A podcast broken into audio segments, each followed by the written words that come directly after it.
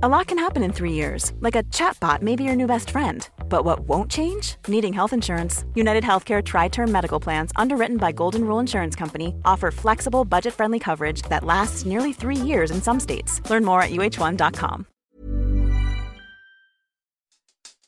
Lig jij ook wel eens wakker van de klimaatproblemen? Nou, ik wel hoor. Zeker als ik net voor het slapen nog heel even snel het nieuws check en daar een kop zie staan waar ik moedeloos van word. En dan gaat het spook in mijn hoofd. Vattenfall heeft iets om dit te tackelen. Een afspeellijst met super rustgevende klimaatvooruitgang engineering tracks. Audio die je geruststelt en laat ontspannen. En tegelijkertijd leert over het proces richting fossielvrij leven. Dus ontspannen, je laat je stress los, leert wat en slaapt goed. Check de afspeellijsten op Spotify en laat me weten hoe je erop slaapt. We gaan de wereld namelijk niet redden met slapeloze nachten. Oké, Mega leuk. ik begin altijd ehm, met drie hele random halve zinnen die jij mag aanvullen. Spannend. Lief zijn voor mezelf is. Tijd voor mezelf maken. Op wat voor manier?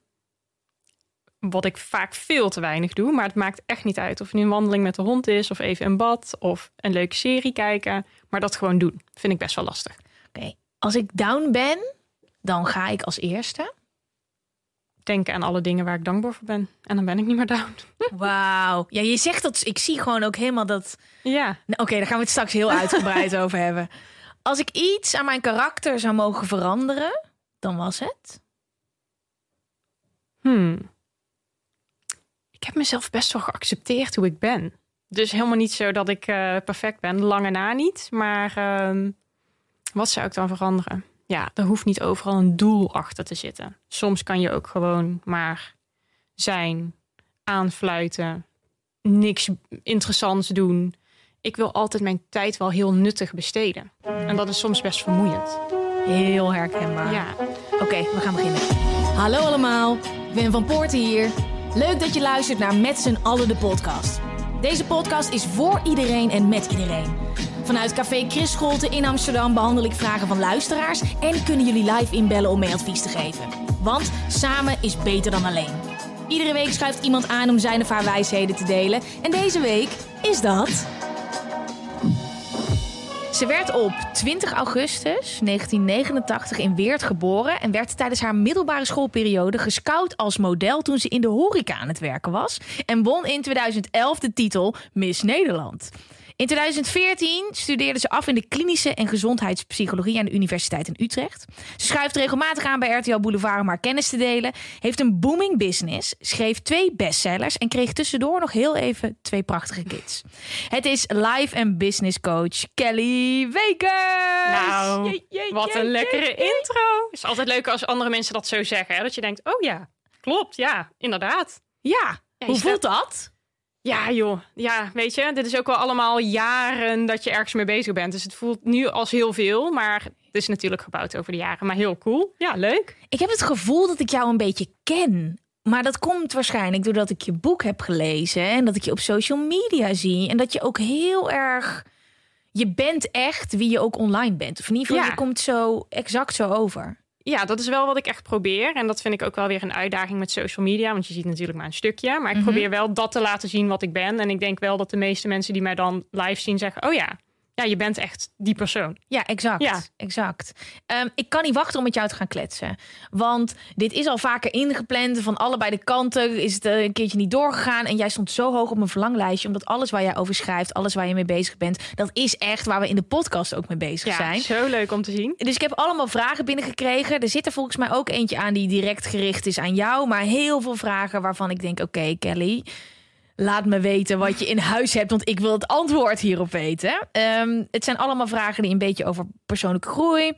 ehm, over, nou ja, daar duiken we zo meteen wel even in. Maar ik begin altijd gewoon met een hele simpele vraag: hoe gaat het met je? Heel goed eigenlijk. Ja? ja, ja, heel goed. Ja, we zitten natuurlijk op een prachtige dag hier met elkaar te kletsen. Dus het is In de bunker. weer. Ja, inderdaad. Eventjes anderhalf uur onderduiken. Maar nee, het gaat echt heel goed. Ik moet zeggen dat dit voor mij best wel een ehm, eh, druk jaar is. Want ik heb natuurlijk mijn tweede dochter gekregen. En die is negen maanden. En ik vind dat eerste moederjaar echt wel pittig. Mhm. Als je dan gaat werken, dat je denkt, ik heb geen energie. Waar, hoe ga ik het allemaal doen? Maar je merkt ook, hoe verder dat jaar vordert, hoe meer rust je daarin vindt. Dus ik, ik voel me nu weer, ik kom nu negen maanden later weer een beetje om de hoek kijken en denk, ja, ik voel me wel weer goed. Weer mezelf. Ja. Ja, ik, ik zou willen dat ik... Ik zit zo te knikken en ik zeg zo ja, ja. Maar ik weet helemaal niet, nog niet hoe dat is. En dat is ook wat ik zo... Ik, wij zijn... eh, je bent twee maanden voor mij geboren. En je hebt al twee kids. En ik dacht wel, wow, ze heeft het allemaal gedaan. En ze heeft ook nog eens twee kids gekregen. Precies dat had ik in mijn hoofd. Een hele afgezaagde vraag. Waarvan ik zeker weet dat in ieder interview dat jij hebt... het de eerste vraag is die ze, die ze stellen. Hoe doe je het allemaal? Die, die wordt vaak gevraagd, toch? Ja, wel. Maar ja, ik zeg ook altijd van ja, ik doe dat dus niet allemaal. Ik ben daar ook heel eerlijk in. En de mensen om me heen weten dat ook. Ik denk gewoon dat je voor elke fase van je leven bepaalt wat je belangrijk vindt. Daar kan je je tijd in stoppen. Ik denk dat je best wel wat dingen tegelijk kan doen, maar niet alles goed, weet je wel. Dus ja, eh, hoe doe je dat? Eh, knallen met je business, ja, je sociale leven even op een laag pitje zetten, Eh, tijd aan je kids besteden, ja, even wat minder tijd voor hobby's, dat soort dingen. Dus ja, ik doe het niet allemaal. Ik doe gewoon een paar dingen redelijk goed, denk ik. En de Oh. rest laat ik gewoon vallen. Oh, wat heerlijk. Zo, ja. Ja, het is een soort van illusie misschien, hè? Dat mensen denken, het ziet eruit alsof ze alles doet. Online zie je een heel mooi plaatje wat altijd gepolijst is... waarin je automatisch aanneemt dat daar alles in zit. Een sociaal leven, carrière, eh, een goed, eh, goede relatie, kids, alles in Ja, één. Mijn leven is best wel een beetje klein, zeg maar. Dus daardoor komt het misschien zo over. Omdat wat erin zit, dat doe ik dan ook vol en vol overgave. Maar ja, dat is eigenlijk mijn gezin. Dat is altijd op één, weet je. Mijn carrière vind ik gewoon heel belangrijk. Dus ik heb gewoon mijn werkmomenten. Daarnaast heb ik een klein clubje. Goede vrienden. Dus die zie ik. En voor de rest, ja, ik, ik heb dus ook geen tijd voor events, voor vage vrienden, kennissen, eh, dat soort dingen. Ja, een paar familieleden waar ik heel close mee ben. En dat is het dan ook. Dus Ja. ja, mijn leven is ook wel een soort van overzichtelijk. Dus ja, dan is het ook wel te managen, denk ik. En waar ben je op dit moment mee bezig? Want ik zag wat spannends dat je Engels aan het leren bent. Ja, En je in, in ieder geval aan het perfectioneren. Wat zit daarachter? Ik heb namelijk allemaal verhalen in mijn hoofd dat ik denk dat, dat ik weet wat daarachter zit. En ik weet helemaal niet of je daarover kan praten. Nee, ik kan daar zeker wel over praten, maar het is allemaal nog niet uitgekristalliseerd. Dus eh, heel concreet kan ik daar ook nog niet over zijn. Maar Ja. waar ik eigenlijk mee bezig ben, wat altijd mijn moonshot is geweest, is dat nou, mijn business loopt hier, mijn coachingsbusiness loopt hier goed. Eh, mijn boeken lopen hier goed. En er is wel steeds meer aandacht vanuit het buitenland. Van joh, kan je niet eens een keer aan de andere kant van de plas komen kijken of je daar iets kan komen doen. Dus dat vind ik wel heel erg gaaf om dat te verkennen. Maar ja, dan vind ik ook, dat is dan weer hoe ik ben. Dan moet je ook echt Engels kunnen lullen. Niet dat camping Engels wat ik nu doe. Dus daarmee ben ik bezig. En eh, nou ja, we zijn met allerlei partijen in gesprek. eh, boeken, et cetera. Dus dat wordt allemaal heel gaaf. Alleen, ja, dat, ja, ook heel spannend. En ik, dat vind ik, misschien is dat wel heel Nederlands voor mij. Maar dan denk ik altijd, ja, je moet het eerst maar eens even gaan doen. En dan moet je daar iets over gaan zeggen. Want eh, ja, wie weet hoe het allemaal gaat lopen. Maar het is wel heel leuk. Exact dit hoopte ik. Exact dit, dit zag ik voor me. En ik dacht, oh, gaat ze dan internationaal met haar boeken? Wat vet. Oh, maar wat leuk. En ik denk ook echt een heel goed moment daarvoor. Ja, je ziet gewoon hoe, hoe dat leeft. Ja, ik bedoel, je hebt een boek gelezen en je weet wat erin staat. En eh, alles wat met van grenzen afbakenen tot eh, meer zelfvertrouwen krijgen, tot dankbaarheid, goed in je vel zitten. Kijk, ik denk dat ik in die zin niets nieuws breng. Dat je al die dingen al honderden jaren kan lezen in allerlei boeken. Alleen dat ik het wel nieuwerwets breng. Dus waar wij allemaal tegenaan lopen. En hoe los je nu net die problemen op? Betrek social media erbij. En eh, verpakt in lekker luchtige taal en met dat soort dingen. Dat is wel heel erg mijn stijl. En ik merk wel dat dat mensen aanspreekt. Dat ze denken, ja, als jij het vertelt, dan snap ik het tenminste. Dan kan ik mijn aandacht erbij houden. En bij veel andere dingen, ja, niet iedereen heeft zin om door The Secret heen te gaan. Nee, En te snappen wat dat doet, bijvoorbeeld. Nee, ik had, dat is echt mijn allereerste boek wat ik las. Wat een beetje in deze richting was. Wat een hele hoop vonkjes eh, bracht. Maar wat ook een hoop verwarring bracht. Want ik kwam er eigenlijk achter in de secret dat ik al een hele hoop dingen deed. Maar toen werd ik me er bewust van. En ook van de negatieve gedachten. En toen kreeg ik compleet kortsluiting na een tijdje. Dat je alleen maar positief en mooi en groots. En dat, Ja. nou, ik wijk helemaal af. Maar als iemand de secret noemt, dan er staat ook weer iets nieuws voor op Netflix. Heb je dat gezien? Nee, de secret, dat secret- de secret film. Nee, heb ik niet gezien. Ja, dat lijkt me dan wel heel boeiend. Kijk, laten we vooropstellen. Ik zou willen dat ik hem had geschreven. Echt geniaal. Maar dat is wel een beetje wat inderdaad is. Van ja, hoe pas je het uiteindelijk nu toe op je eigen leven? En hoe maak je dat dan praktisch? En hoe ga je niet alleen maar zitten te secreten, achteroverleunen en denken: hè, het komt me allemaal nu aanwaaien, want ik wil het, oh, het zit in mijn hoofd. Nee, je moet ook nog wat gaan doen. Dus ja, ik ben heel erg heel nuchter en heel praktisch. En ik denk altijd van, als ik zelf veel boeken lees, van oh, dat, dat, dat is boeiend. Wat heeft mij geholpen? met mijn onzekerheid of wat dan ook. En hoe kan je dat weer aan iemand anders meegeven? Dat hij denkt, ah, nu snap ik eindelijk wat ik moet doen om daar te komen. Heerlijk. Nou, dit sluit exact aan op de vragen die zo meteen uh, gesteld gaan worden. Ik heb heel even een aantal huishoudelijke mededelingen die ik moet doornemen. Um, de website is live en je ziet hem dus ook op het scherm hier. Ta ta ta. En ik krijg zoveel vragen binnen op de website die je dus zo meteen terug gaat horen, waar ik heel dankbaar voor ben. Mocht je nou een vraag willen stellen, anoniem, doe het lekker op www.metzeallen.nl en volg ons ook lekker. Ik zeg ons, maar het is gewoon volg, volg volg mij. Own hem, pak ja, volg ons allemaal op uh, en met z'n allen de podcast of met z'n allen de boekenclub als je lekker wil mee, uh, meelezen, want dat zijn we ook aan het doen. Um, ben je iemand die gebeld wordt voor advies? Dat is eigenlijk een hele domme vraag, want natuurlijk bellen ze jou voor advies. Ja, echt elke dag. Maar dat is natuurlijk ook mijn core business. dus ik ben de hele dag bezig met mensen die mij om advies vragen over hun bedrijven. Dat is wat ik eigenlijk doe als business coach. Dus echt ondernemers helpen. En dat zijn heel vaak ZZP'ers of eenpitters die echt zeggen, wat moet ik nu? Dus uh, ja, zeker. Ja. Ben je de hele dag bereikbaar voor de mensen die nee. jij coacht? Okay. Nee, zeker niet. Nee, dat is allemaal via een opzet. Dus een community die echt uh, 24-7 loopt. Maar die beantwoord ik maar één keer per dag. Eén keer per week sparring. Echt een live Q&A waar uh, je inbelt. En een doorlopend programma. Echt een jaarprogramma waar je in zit. En waarin je allerlei modules volgt. Van strategie tot mindset tot online zichtbaarheid. Ja, alles wat je nodig hebt om als ondernemer eigenlijk te gaan knallen. Oh, wat vet. Misschien ja. sluit ik me wel ooit aan. Oh, dit vind nou, heel is leuk. misschien wel wat voor je hoor. Ja. Leuk. Oké, okay, gaan we beginnen met uh, het begin, waar het allemaal begon. Jij stond uh, in de spotlight als Miss Nederland. Kan je me vertellen hoe dat, hoe dat is gaan lopen voordat we helemaal jouw coaching uh, verhaal beginnen? Ja, het is heel grappig, want het is altijd zo waar het verhaal begint. Oh ja, jij mis Nederland. Maar ja. eigenlijk was dat echt zoiets wat ik in een split second bedacht. Ik was gewoon, ik werkte echt bij een afhaal Chinees. En daar verdien je niet superveel, zeg maar. Daar word je echt een beetje uh, uh, uitgebuit, werd ik daar. Want ik was veel te jong. Ik mocht natuurlijk eigenlijk niet werken, maar ik wilde het wel. En daar werd ik wel eens gescout. Zo van die mensen die dan stond ik afhaal te doen. En dan zeiden ze van, hey, moet je niet iets met modellenwerk doen? Dus zo begon dat eigenlijk. Ben ik een beetje modellenwerk gaan doen. Toen dacht ik, nou ja, dit verdient wel beter dan mijn baantje of een krantenwijk. En toen kwam ik gewoon een keer een artikel in de krant tegen en daar stond van uh, ja, er zijn bijna geen uh, missen uit uh, Limburg en Brabant. Dus beneden de rivieren leeft dat niet zo. Die meiden zijn, ja, die durven dat niet of hè, die zijn daar te schuw voor. Dus het is eigenlijk meer een Randstadverkiezing geworden. Toen dacht ik, nou ja, zal ik me inschrijven? Wie weet doet het nog wat voor mijn modellenklussen. Ik schrijf me gewoon in en dan zie ik wel. Mm. Maar ja, toen was ik een van de weinigen die naar Miss Limburg ging. Dus ik was gewoon, ik ging naar de castingdag. En einde dag was ik Miss Limburg. ja, en toen dacht ik, ja, ik ben dan ook alweer zo uh, gedreven dat ik dacht, ja, als ik dat ben, is ook een beetje lullig als ik dan niet Miss Nederland word. Dan wil ik ook wel door. Dus ja, zo ben ik daar gewoon ingerold. Maar eigenlijk gewoon omdat ik dacht, ja, misschien zit er nog wel extra business in. Leuk als ik er ergens mee kom. Maar uiteindelijk werd ik Miss Nederland en werd het een heel jaar Miss Nederland. En dat is eigenlijk best wel geestig. Ook iedereen die mij kent, die zegt altijd ja. Uh, je ziet er misschien soms of toen de tijd wel uit als een Miss Nederland, maar jij bent helemaal niet zo iemand. Je bent helemaal niet zo'n poppendijntje die lachend op een podium staat en ja. dan zwaai je naar de camera. En dat, dat, dat is eigenlijk helemaal niet wie ik ben. En op de achtergrond was jij natuurlijk aan het studeren. Je ja. studeerde toen al psychologie, toch? Ja, eerst zat ik nog op VWO, maar inderdaad later deed ik uh, een bachelor uh, uh, psychologie en neurowetenschap heb ik gestudeerd, ja. basis. En toen klinische en gezondheidspsychologie. Maar ik was daar dus inderdaad mee bezig. Maar ik was net mijn bachelor aan het afronden. Dus toen werd ik Miss Nederland. Toen dacht ik, ja, ik had in al die jaren modellenwerk altijd uh, heel vaak hadden ze gezegd van ja, je moet het eigenlijk fulltime gaan doen. Want je doet het nu elke keer bij en je kan best wel wat werken, maar hè, je moet af en toe ook kunnen reizen en weet ik veel wat. Toen dacht ik, nou ja, als ik nu toch Miss Nederland ben, laat ik dan een jaar na mijn bachelor vrijnemen. Echt me er helemaal in onderdompelen. Misschien vind ik het dan toch fantastisch. En uh, wil ik het wel een paar jaar doen.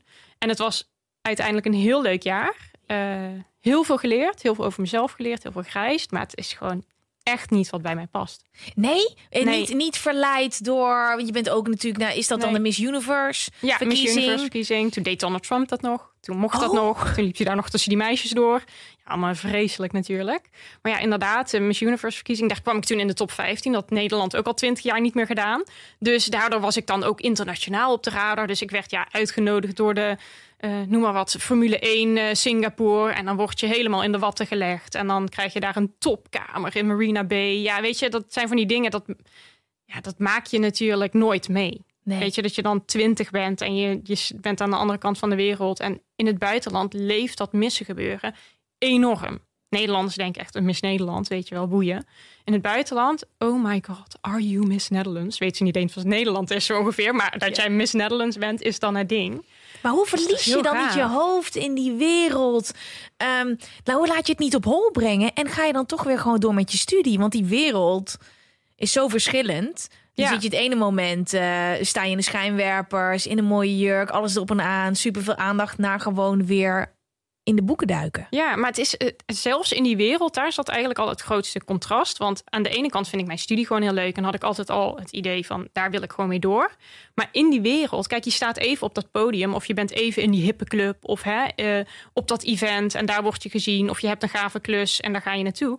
Maar je bent altijd alleen. In je up ben je ergens. Je, dat, daar moet je het karakter voor hebben om dan dat alleen te beleven. Eh, je bent altijd met vreemde mensen waar je in principe ook helemaal niets mee hebt. Ehm, kwam bij dat ik heel veel modellenwerk deed. Dus het ging de hele dag over mijn lengte, mijn gewicht, wat ik at, hoe vaak ik sportte. eh, dat de klant het nog dunner wilde. Weet je wel, dat, dat soort. Dat je naar castings gaat met honderden meiden in een rij stond. Dan zei iedereen: Oh, hoe tof dat je in Milaan woont. Maar het enige wat ik de hele dag deed, was heel weinig eten.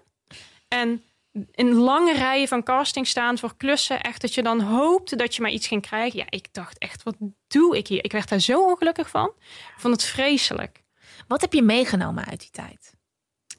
Ehm, eigenlijk gewoon heel veel levenservaring. Kijk, ik, wat ik heel goed vond voor mezelf is dat ik gewoon leerde. Als iemand mij nu zou vragen, hè, je moet morgen in Australië staan, aan de andere kant van de wereld, dan fix ik dat. Dan kan ik dat helemaal zelf regelen en ik ga er naartoe. Ik draai er mijn hand niet meer voor om. Dus voor mezelf zorgen, dat kan ik heel goed. Maar ik ben natuurlijk mezelf daardoor ook heel erg tegengekomen. En ik heb heel veel tijd gehad om na te denken: wat vind ik belangrijk in het leven? Waar wil ik me op richten? Waar wil ik me mee bezighouden? En wat het mij echt heeft geleerd, is dat hè, je werk of waar je mee bezig bent en alles waar je tijd en energie in steekt, dat moet je iets teruggeven. En als het dat niet doet, dan gaat heel snel je balans helemaal de verkeerde kant uit. Dus als jij niet lekker in je vel zit, dan is dat vaak ook omdat je heel veel tijd besteedt aan dingen die jou ook niets geven, waar je niet positief van wordt. Dus ja, wat gaf dat na een jaar? Ja, weet je, kijk, ik zeg altijd, als ik Duitser was geweest, was ik niet gestopt. Hè? Dan eh, ga je nog wel even door en dan denk je, oké, so be it, maar we kunnen even een paar jaar rammen, dan moeten we het ook gewoon doen. Maar voor mij was het dat ik dacht, ja, ik wil gewoon iets doen waar ik gelukkig van word. En dat is dit niet. Ik wil niet ver van mijn familie zitten. Ik wil niet ver van mijn vrienden zitten. Ik wil een gezin. Ik wil iets doen met mijn intellect en niet met mijn buitenkant. Ik wil. Ik had het gevoel dat ik ook helemaal geen verschil maakte. Het ging alleen maar over het plaatje en wat ik te melden had was niet boeiend. Terwijl mijn studie was alles behalve dat. Het gaat alleen maar over de binnenkant. Dus ik dacht, nou, ik moet er echt naar terug. Daar word ik veel gelukkiger van. Ja, en jij liet dus niet je van de wijs brengen door alle erkenning die je kreeg. Ready to pop the question? The jewelers at BlueNile.com have got sparkle down to a science with beautiful lab grown diamonds worthy of your most brilliant moments. Their lab grown diamonds are independently graded and guaranteed identical to natural diamonds, and they're ready to ship to your door. Go to BlueNile.com and use promo code LISTEN to get $50 off your purchase of $500 or more. That's code LISTEN at BlueNile.com for $50 off. BlueNile.com code LISTEN. Hey there, it's Michelle Norris. I'm host of a podcast called Your Mama's Kitchen. When I travel, I'm usually looking for a way to find a taste of home when I'm not at home. And one of the things I love to do when I am at home is entertain. And Airbnb allows me to do that. When I was in California recently, I rented a house that had a great kitchen. And when we were sitting around the table, we're all thinking, we're in someone else's house. Someone could be in all of our homes as well. If you have a home, but you're not always at home, you have an Airbnb. Your home might be worth more than you think. Find out how much at airbnb.com/slash host. over je uiterlijk. Want sommige meisjes, Dat herken ik zelf ook wel. Dat je Mhm. daar, als je daar heel veel bevestiging in krijgt, dat dat alles al opvult. Dat je denkt, nou, on top of Ja. the world. Maar jij prikte daar wel doorheen. Dat je dacht, er is meer dan maar dit. Het, het is namelijk twee kanten. Hè? Want natuurlijk had ik dat af en toe. En dan dacht ik, oh, dan kreeg ik een hele vette klus. En dacht ik, wow, dat ik daarvoor uitgekozen word. En helemaal eh, te gaaf. Maar je krijgt ook aan de andere kant elke dag afwijzingen. Dus je krijgt juist ook die kant van... Nee, sorry, je past niet eens. Ik weet echt nog dat ik op een casting stond van Chanel. En dat ze echt zeiden... Oh my god, which size are you? En ik was toen zo, hè? Echt, ik was dun, gewoon echt. En toen dacht ik, voelde ik me zo slecht. En toen dacht ik, waar gaat het over? Maar omdat als je in dat wereldje zit, en dat heeft denk ik iedereen op zijn manier, als je in een bepaalde wereld zit, of dat nu is door de mensen die je om je heen hebt verzameld of het werk wat je doet, dan lijkt dat het enige. En dan is het soms zo moeilijk om er even uit te stappen, even te relativeren en te denken: hoezo moet dit boeien? Wat, wat is dit überhaupt? Weet je wel? Dus ja, aan de ene kant was het natuurlijk heel mooi om erin te blijven. En voor de buitenwereld, het plaatje zag er heel tof uit. Iedereen dacht, je hebt de perfecte baan. Maar de binnenkant was echt niet zo leuk als hoe dat allemaal over kan komen. Dus het was ook echt heel veel afwijzing. En eh, ja, ik dacht van, oké, wil ik me zo voelen? Nee, gewoon niet. Waarom zou ik niet gewoon gaan studeren? En dat gaan Wauw. doen wat ik leuk vind.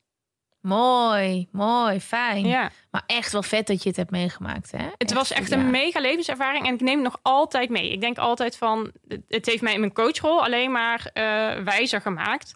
Dat, eh, nou, inmiddels ben ik ook al 31, maar dat is heel lang geweest dat iedereen dacht, ja, maar je bent zo jong, wat heb je niet te melden? Denk ik, nou ja, ik heb wel echt levenservaring voor een aantal mensen bij elkaar, dus laat mij nu maar gewoon mijn ding doen en luister maar eens. Wie weet, heb je er nog iets aan, weet je wel? Ja, mooi, mooi. Eh, we gaan naar vraag. Oké, komt-ie. Het is een een redelijk lange. Ik trouwens, dank je wel dat jullie van dit soort lange vragen insturen. Soms is het één zin en dan denk ik, hè?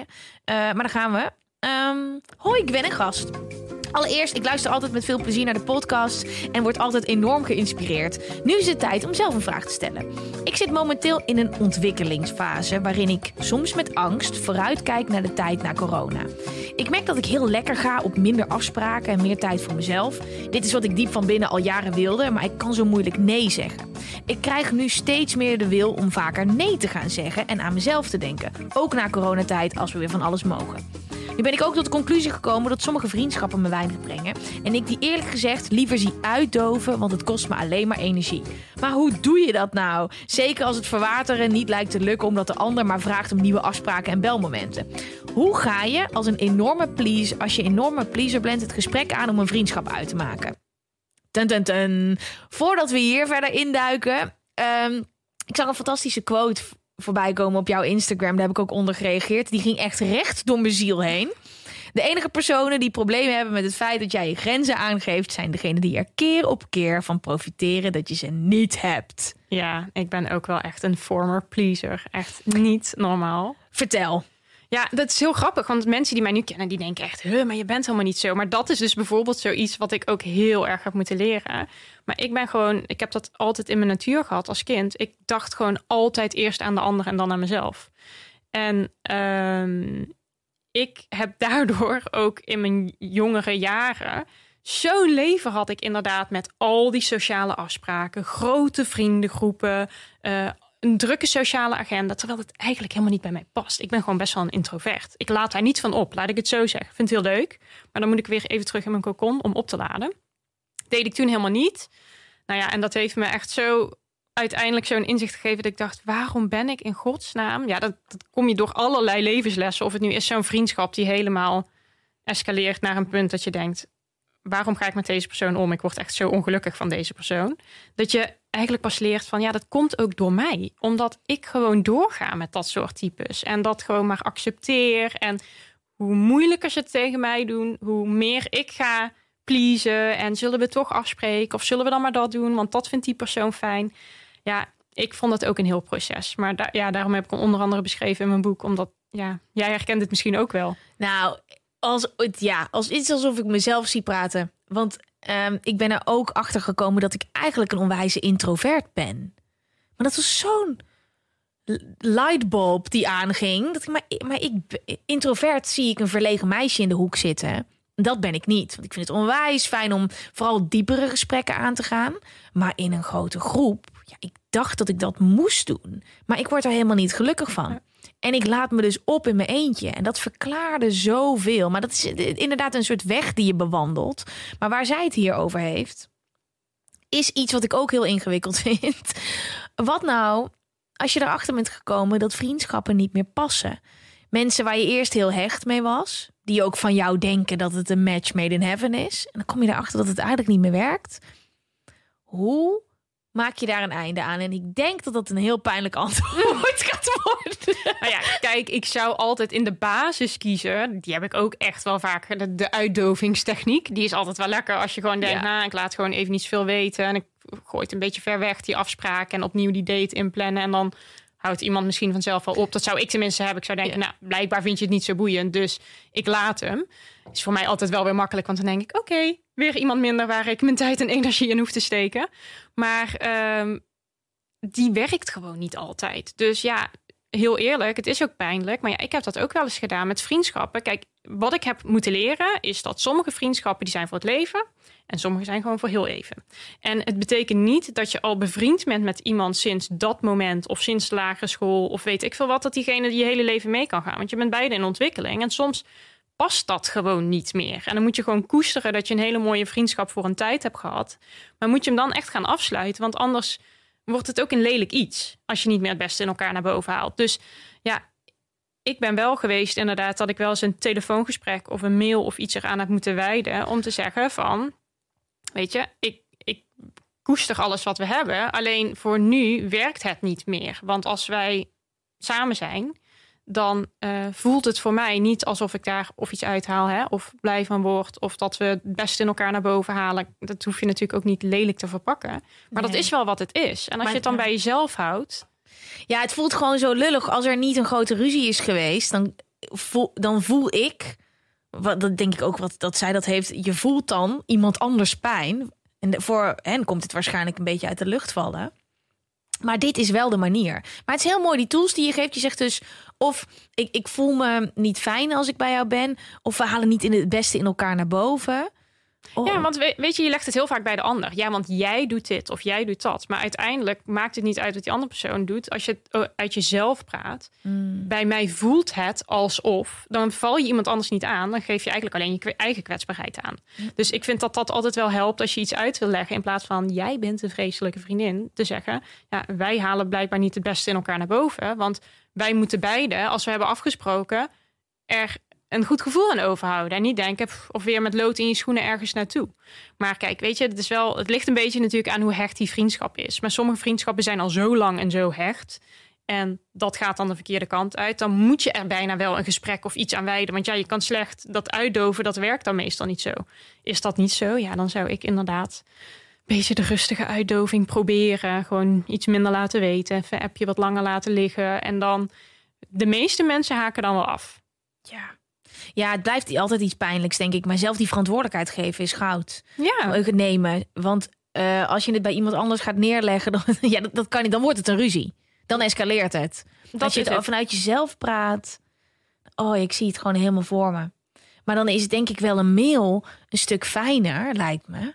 Want dan kan je goed nadenken over wat je zegt. Want als je iemand ziet, kan het zomaar is. Maar jij toen je laatst dit, dat je kan je laten verleiden om denk ik een beetje die eh, confrontatie in te die duiken. verwijten. En dan krijg je Ja. dat verwijten. En ik denk uiteindelijk is het, dat zei Brene Brown, en dat heb je vast wel het een en ander van gelezen Ja. of zo. Die zegt altijd zo van, je moet altijd voordat je zo'n gesprek ingaat tegen jezelf zeggen, the story I tell myself. Dus het verhaal wat ik mezelf vertel is dat jij denkt zus of dat eh, jij ehm, eh, mij niet goed genoeg vindt of mij eh, te saai vindt of wat dan ook. Dan val je iemand niet aan, maar dan zeg je, ik heb het gevoel of ik denk dan altijd. Dus dan hou je het meer bij jezelf. Ja. En dat maakt gewoon dat je niet gaat zeggen, ja, want jij doet elke keer dit en dat. Want dan krijg je zo'n heel lelijk gesprek. Ja. Dus dat scheelt wel een hoop. Ja, en ik vind dan, ja, dat is misschien een beetje suf, maar ik heb dat wel een keer met een mail gedaan, omdat ik had zoveel emotie en er was van alles. En ik dacht, als ik het gewoon typ, dan kan ik er rustig over nadenken en het ook gewoon rustig lezen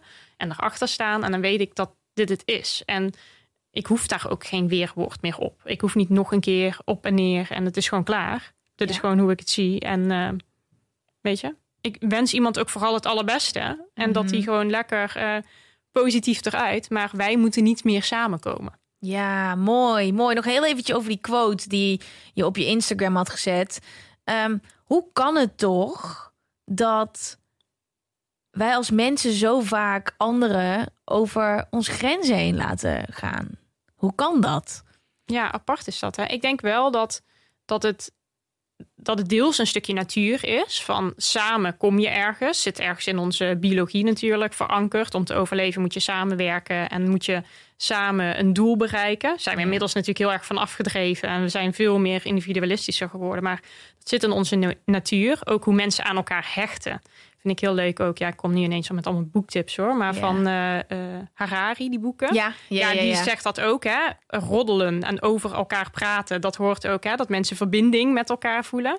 En ik denk dat nu alleen maar meer in, in tijden van social media. We kijken naar anderen en we denken, ja, ik moet mijn leven gewoon op een bepaalde manier indelen. Of iedereen moet me leuk vinden en ik moet het op een bepaalde manier doen. Want eh, dan doe ik het goed.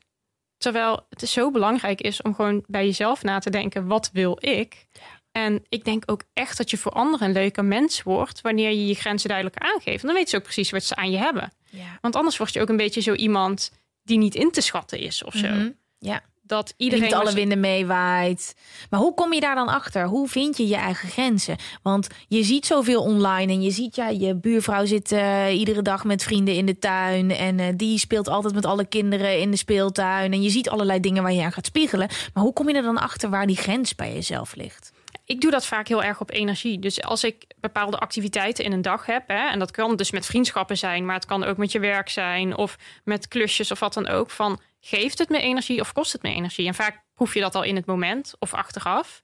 En als je je week gaat indelen, kijk, we kunnen een, een week niet of een leven niet indelen met alleen maar leuke dingen. Dat, dat kan gewoon niet. Zou heerlijk zijn. Maar er zijn altijd dingen die je energie gaan kosten en in- dingen die je energie gaan geven. Maar wanneer je merkt dat bepaalde activiteiten of bepaalde mensen altijd een bepaald gevoel aan jou geven wat negatief is of geprikkeld of whatever, dan zit het niet goed. En vaak zijn dat dus ook de mensen die dus bijvoorbeeld steeds over je grens heen gaan. Dus dan weet je, hè, vaak in het moment als iemand jou iets vraagt, wij zijn zo geprogrammeerd om meteen ja te zeggen.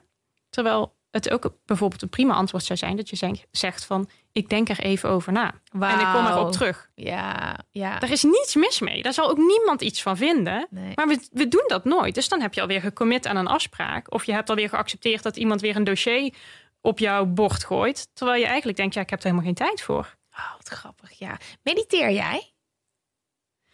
Niet officieel, niet op een eh, kussentje. Maar ik kan wel meditatief dingen doen. Dus wandelen en alleen maar wandelen. En bezig zijn met de omgeving. Of met de kinderen bezig zijn en alleen maar dat doen. Of eh, koken en alleen maar dat doen. En ik vind dat dus mediteren. is het ook 100%. Maar dat is iets waar ik mezelf echt zoveel beter in heb leren kennen. En ook ben gaan voelen wat oncomfortabel voelt. Dus oh, je agenda staat vol met afspraken, want die doe je op de automatische piloot. Maar dan echt eruit komen en denken. Ja, maar waar ik nu ja op heb gezegd, dat wil ik eigenlijk helemaal niet. Het is heel grappig in stilte en in rust. Of dat nou focussen op één ding is, of het wandelen of koken. Of gewoon echt even alleen maar focussen op je ademhaling is eigenlijk allemaal precies hetzelfde. Dat, dat is het eigenlijk allemaal. En precies wat jij zegt. Als je de rust gaat nemen om eens één ding heel goed te doen, geconcentreerd, hè, of een afgebakend ding, dan proef je ook meteen wat je er eigenlijk van vindt. Maar wij zijn zo gewend geworden om te multitasken. Dus je bent vaak vier dingen tegelijk aan het doen. En dan weet je ook niet meer, wat geeft me nou energie? Wat kost me nou energie? Wat wil ik nu eigenlijk? We doen alles door elkaar. Ja, ja. Ik denk dat het, dit heel goed advies is. Ehm, en laat ook vooral weten, het is natuurlijk anoniem. Ja, het is anoniem. Ehm, hoe het is gegaan. Heb je een mail gestuurd? Heb je gebeld? Heb je het toch niet gedaan? Dat kan je allemaal lekker via de website bij een vraag eh, invoeren. Ik hoor heel graag hoe dit is gegaan. Ehm, dan gaan we door naar de volgende. Deze gaat over schaamte. Hey, ik ben een gast. Mijn vraag is: hoe dealen jullie met het gevoel van schaamte? Ik doe soms domme dingen waar ik me dan achteraf ongelooflijk voor schaam. Zoals stomme dingen zeggen of raar doen na een paar wijntjes te veel. Dan heb ik later super cringy gevoel in mijn maag en voel ik heel mijn lichaam een soort van samentrekken. Hebben jullie tips hoe je deze schaamte kwijt kan raken? Ik heb dit ook. Ik heb dit Vertel, ook. Heb jij dit ook? Ik dacht namelijk dat, ik, dat dit een beetje een introvert ding is. Ja, Ik wel weet dat, je, wel dat je best wel zelfbewust bent, denk ik. Gewoon dat heel erg. En vooral dus, wat ze zegt met een paar wijntjes op. Nou, als ik een nachtje de stad inging, iedereen was oké de dag daarna. En ik ging jankend aan de telefoon. En het, heeft me er niet van weerhouden om het heel vaak te doen. Maar ik had altijd een onwijs groot schuldgevoel, zonder dat er echt iets heftigs was gebeurd. Maar heel erg, ik heb ook heel erg daarover nagedacht dat ik, ik drink al heel lang niet meer. Al, dit is de eerste keer dat ik dat trouwens in de podcast zeg. Oh. Eh, maar al anderhalf jaar niet meer. Omdat ik eigenlijk altijd een beetje. Ik hou er niet van als ik me anders gedraag dan dat ik ben. En dat doe ik dan al heel snel. En dan ga ik dus die grenzen over. En dan voel ik me schuldig over dingen waarvan ik weet dat het niet nodig is. Maar eigenlijk is het dus ook een beetje heel hoog verantwoordelijkheidsgevoel. En misschien vond je dat wel lekker om dat met alcohol een beetje losser te maken. En dan Ja. dacht je daarna weer, eh, wat heb ik nu gedaan? 100% En ik dacht dat ik achteraf gezien een soort extrovert wilde zijn. Terwijl ik dat met momenten heel graag ben als ik de controle heb. Maar als ik de controle verlies en dan met iedereen meega, dan in één keer achteraf denk: oh my god. Schuldgevoel dat ik niet was het. wie ik was. Maar dat is denk ik ook het, het- nog even op dat introvert en extravert. Dat heel veel mensen denken, oké, want als ik introvert ben, dan ben ik sociaal gestoord. En dan kan ik niet gezellig sociaal doen. En dat vind ik ook allemaal heel stom. Dat is het niet. Het is alleen, introverten laden niet per se op van sociale dingen. En extraverten hebben dat echt nodig om een batterij aan te vullen. Dus dat is ook wel vaak weer het verschil. Heb jij wel eens schaamte? ja, wel echt heel veel gehad. Maar tegenwoordig ook niet meer zo erg, nee. Nou, ik heb gewoon heel erg geleerd. En dat is dus ook met... Ja, daarom is zelfontwikkeling natuurlijk gewoon het allerleukste wat er is. Is dat het natuurlijk onmogelijk is om iets te doen in je leven... zonder af en toe echt een vreselijke beginner in iets te zijn... of iets heel slecht te doen. Of ja, eigenlijk op zo'n manier dat je er soort van voor schaamt. Maar alle mensen die ooit ergens zijn gekomen waar je van denkt: Halleluja, wat tof dat zij dat doen. Ja, die zijn ook ooit beginner geweest. En die hebben zich ook geschaamd voor hoe ze dat deden of wat dan ook. Dus ik denk nu altijd van: nee, ja, waarom moet ik me schamen? Ik doe gewoon het beste wat ik denk dat ik kan doen. En so be it. Heb je een voorbeeld daarvan? Voor iets waar je eerst heel erg voor schaamde, waar je aan hebt gewerkt en wat nu helemaal geflipt is? Ja, misschien, maar het kan ook heel bazaal zijn. Zoals hè, we zitten allemaal op social media. Ja, ik vond dat in het begin dus echt schamen. Dat je gewoon iets post of dat je een story maakt en jezelf soort van belangrijk maakt. Terwijl hè, ik vind mezelf niet belangrijk, dus waarom doe ik dat dan? En dan ging ik daar heel erg over nadenken. En is het dan niet awkward? En ik ben eh, limbo, dus je hoort dan mijn accent. En hè, eh, is mijn stem wel goed? En kijk, dat, dat je zo zelfbewust bent, dat ik op een gegeven moment echt dacht: ja, joh, je moet jezelf ook echt niet zo belangrijk maken. Mensen zijn echt niet zo met jou bezig, weet je wel. Ook ga dat. het gewoon doen. Ja. En weet je, dus dat is wel, dan ga je dat maar gewoon doen. Al schamend. Mhm. Schaam ik me dood voor wat ik dan in het begin, een paar jaar geleden, allemaal postte. Maar daardoor leer je het ook. En nu denk ik, ja, het is eigenlijk best wel gezellig of leuk en eh, prima toch? En denk je, ik denk, ja, mijn grootste oplossing voor de meeste problemen is geweest er niet meer zoveel over na te denken. We denken echt te veel na. Vooral ook, andere mensen zijn er echt niet zoveel mee bezig. Het laatste voorbeeld van dat, dat ik me erg schaamde, en daar heb ik iets raars op gevonden. Elke keer als ik een koortslip heb, ik weet niet of jij wel eens een koortslip hebt. Ja, John altijd. Oh mijn god. Man, Nou, ik heb ja. net nog, ik heb het echt maar één keer per jaar net gehad. En ik schaamde me daar eerst zo erg voor.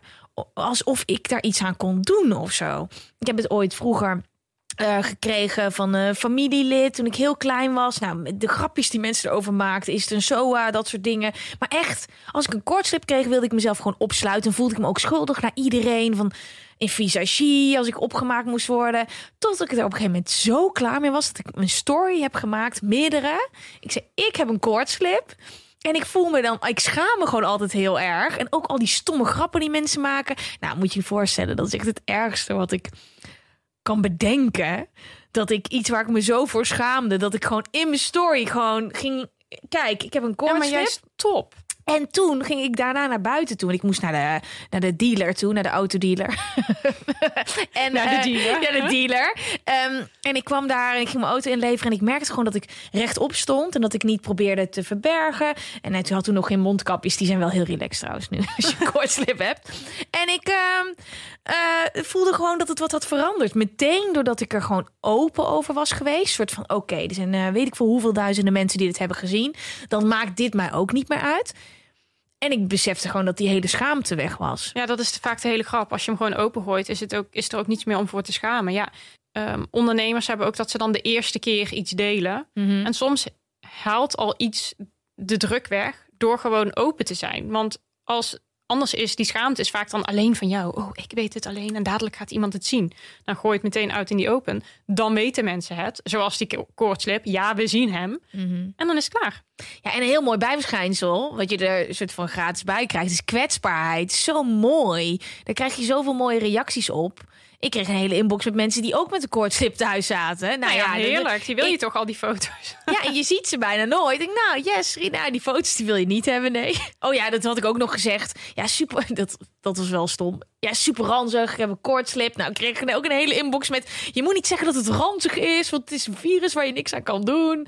Maar Ja, eh, dat is dan weer het gedoe van social media, inderdaad. Maar nee, maar het is wel wat jij zegt, weet je. Uiteindelijk, dat is ook wat wij leren, ook een beetje in de maatschappij. Als je kwetsbaar bent, is dat niet goed. Terwijl effectief, de mensen die zich dus kwetsbaar opstellen, wat vinden wij er allemaal van? Die vinden we heel sterk. Die Ja. vinden we juist heel krachtig. Dus het is het precies omgekeerd. Als je alleen maar hard bent en nooit iets echt laat, durft te laten zien, dan denken we altijd, oh, die zal wel wat hebben of onzeker zijn of wat dan ook. Mhm. Terwijl de andere kant uit, stel jij je gewoon kwetsbaar op, dan denk je, oh, die vind ik echt wel cool. ja, weet je? 100%. Sterk iemand.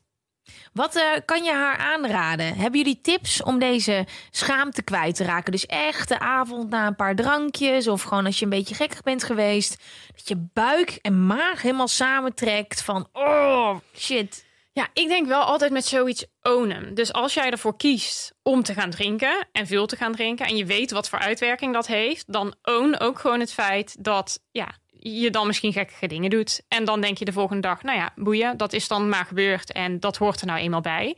Of ga je eens afvragen, voel ik me dus wel zo relaxed bij al dat drinken en ga ik niet dat soort gekkige dingen gewoon doen, omdat ik ergens, ja, wat, wat het dan ook is, iemand wil please of met mensen omgaan waar ik dan toch me niet helemaal comfortabel bij voel of wat dan ook.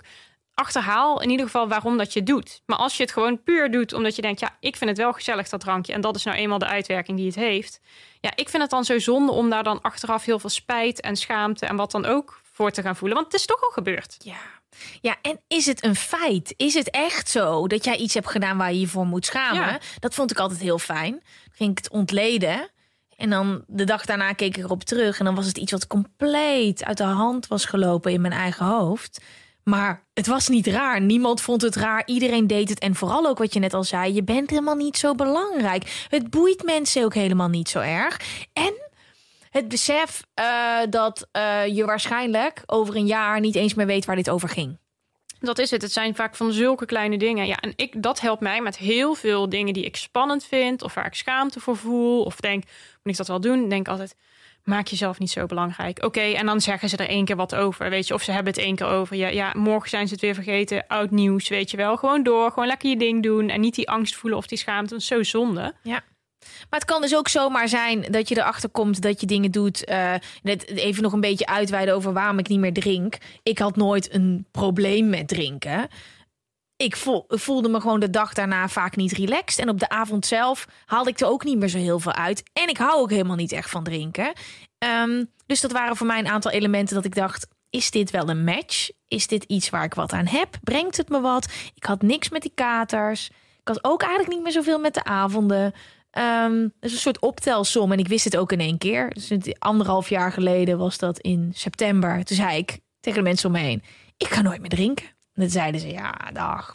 Maar ja, zij wisten natuurlijk helemaal niet hoe ik daarover dacht. Ik zag wel alleen dat ik altijd net iets anders met een kater omging dan, met mijn, dan mijn omgeving. Ja, ik heb ook altijd vreselijke katers. Dus daarom ben ik ook echt geen drinker. Ik denk, ja, je leert het je snel af hoor. Als je zo s'morgens in je bed ligt, eh, half schijndood. Ja, dan eh, ben je er snel klaar mee. Ja, en mijn grenzen gaan helemaal weg. En dat is bij iedereen. Eh, maar bij, ik, ik neem het mezelf heel erg kwalijk. Dus is het echt wat je ook zei, die controle. En toen was het voor mij ook heel duidelijk. En ik moet dus echt weten waarom.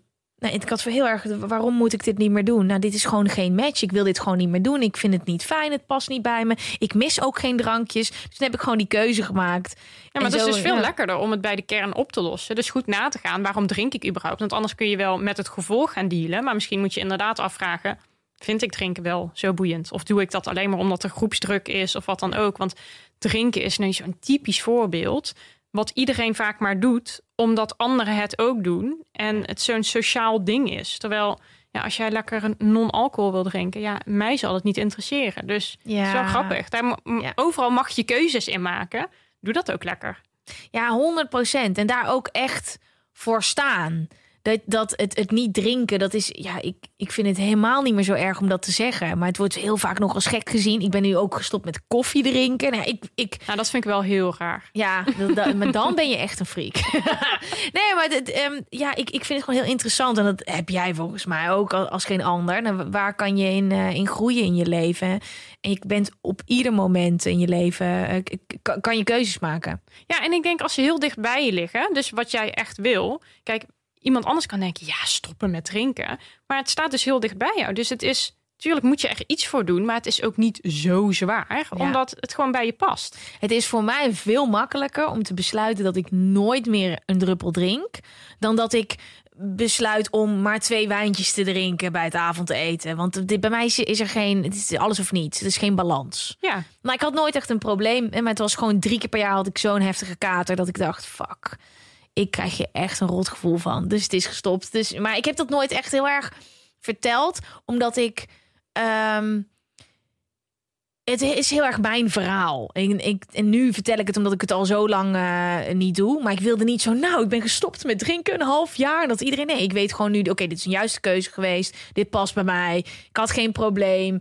Dit is gewoon wat ik doe. En nu durf maar ik ik daar denk ook, wel dat mensen het heel inspirerend vinden, omdat het juist is dat je dat gewoon doet. Want duizend procent dat meerdere mensen tegen jou hebben gezegd: doe niet zo ongezellig, pak even een drankje. Ja. hey, we gaan weer een avondje uit, doe even lekker mee. Krijg je altijd dat, weet je wel? Ja, en ik ben dus toen ook echt naar eh, de, de, dat was oktober na september dat ik was gestopt naar ADE gegaan, nuchter.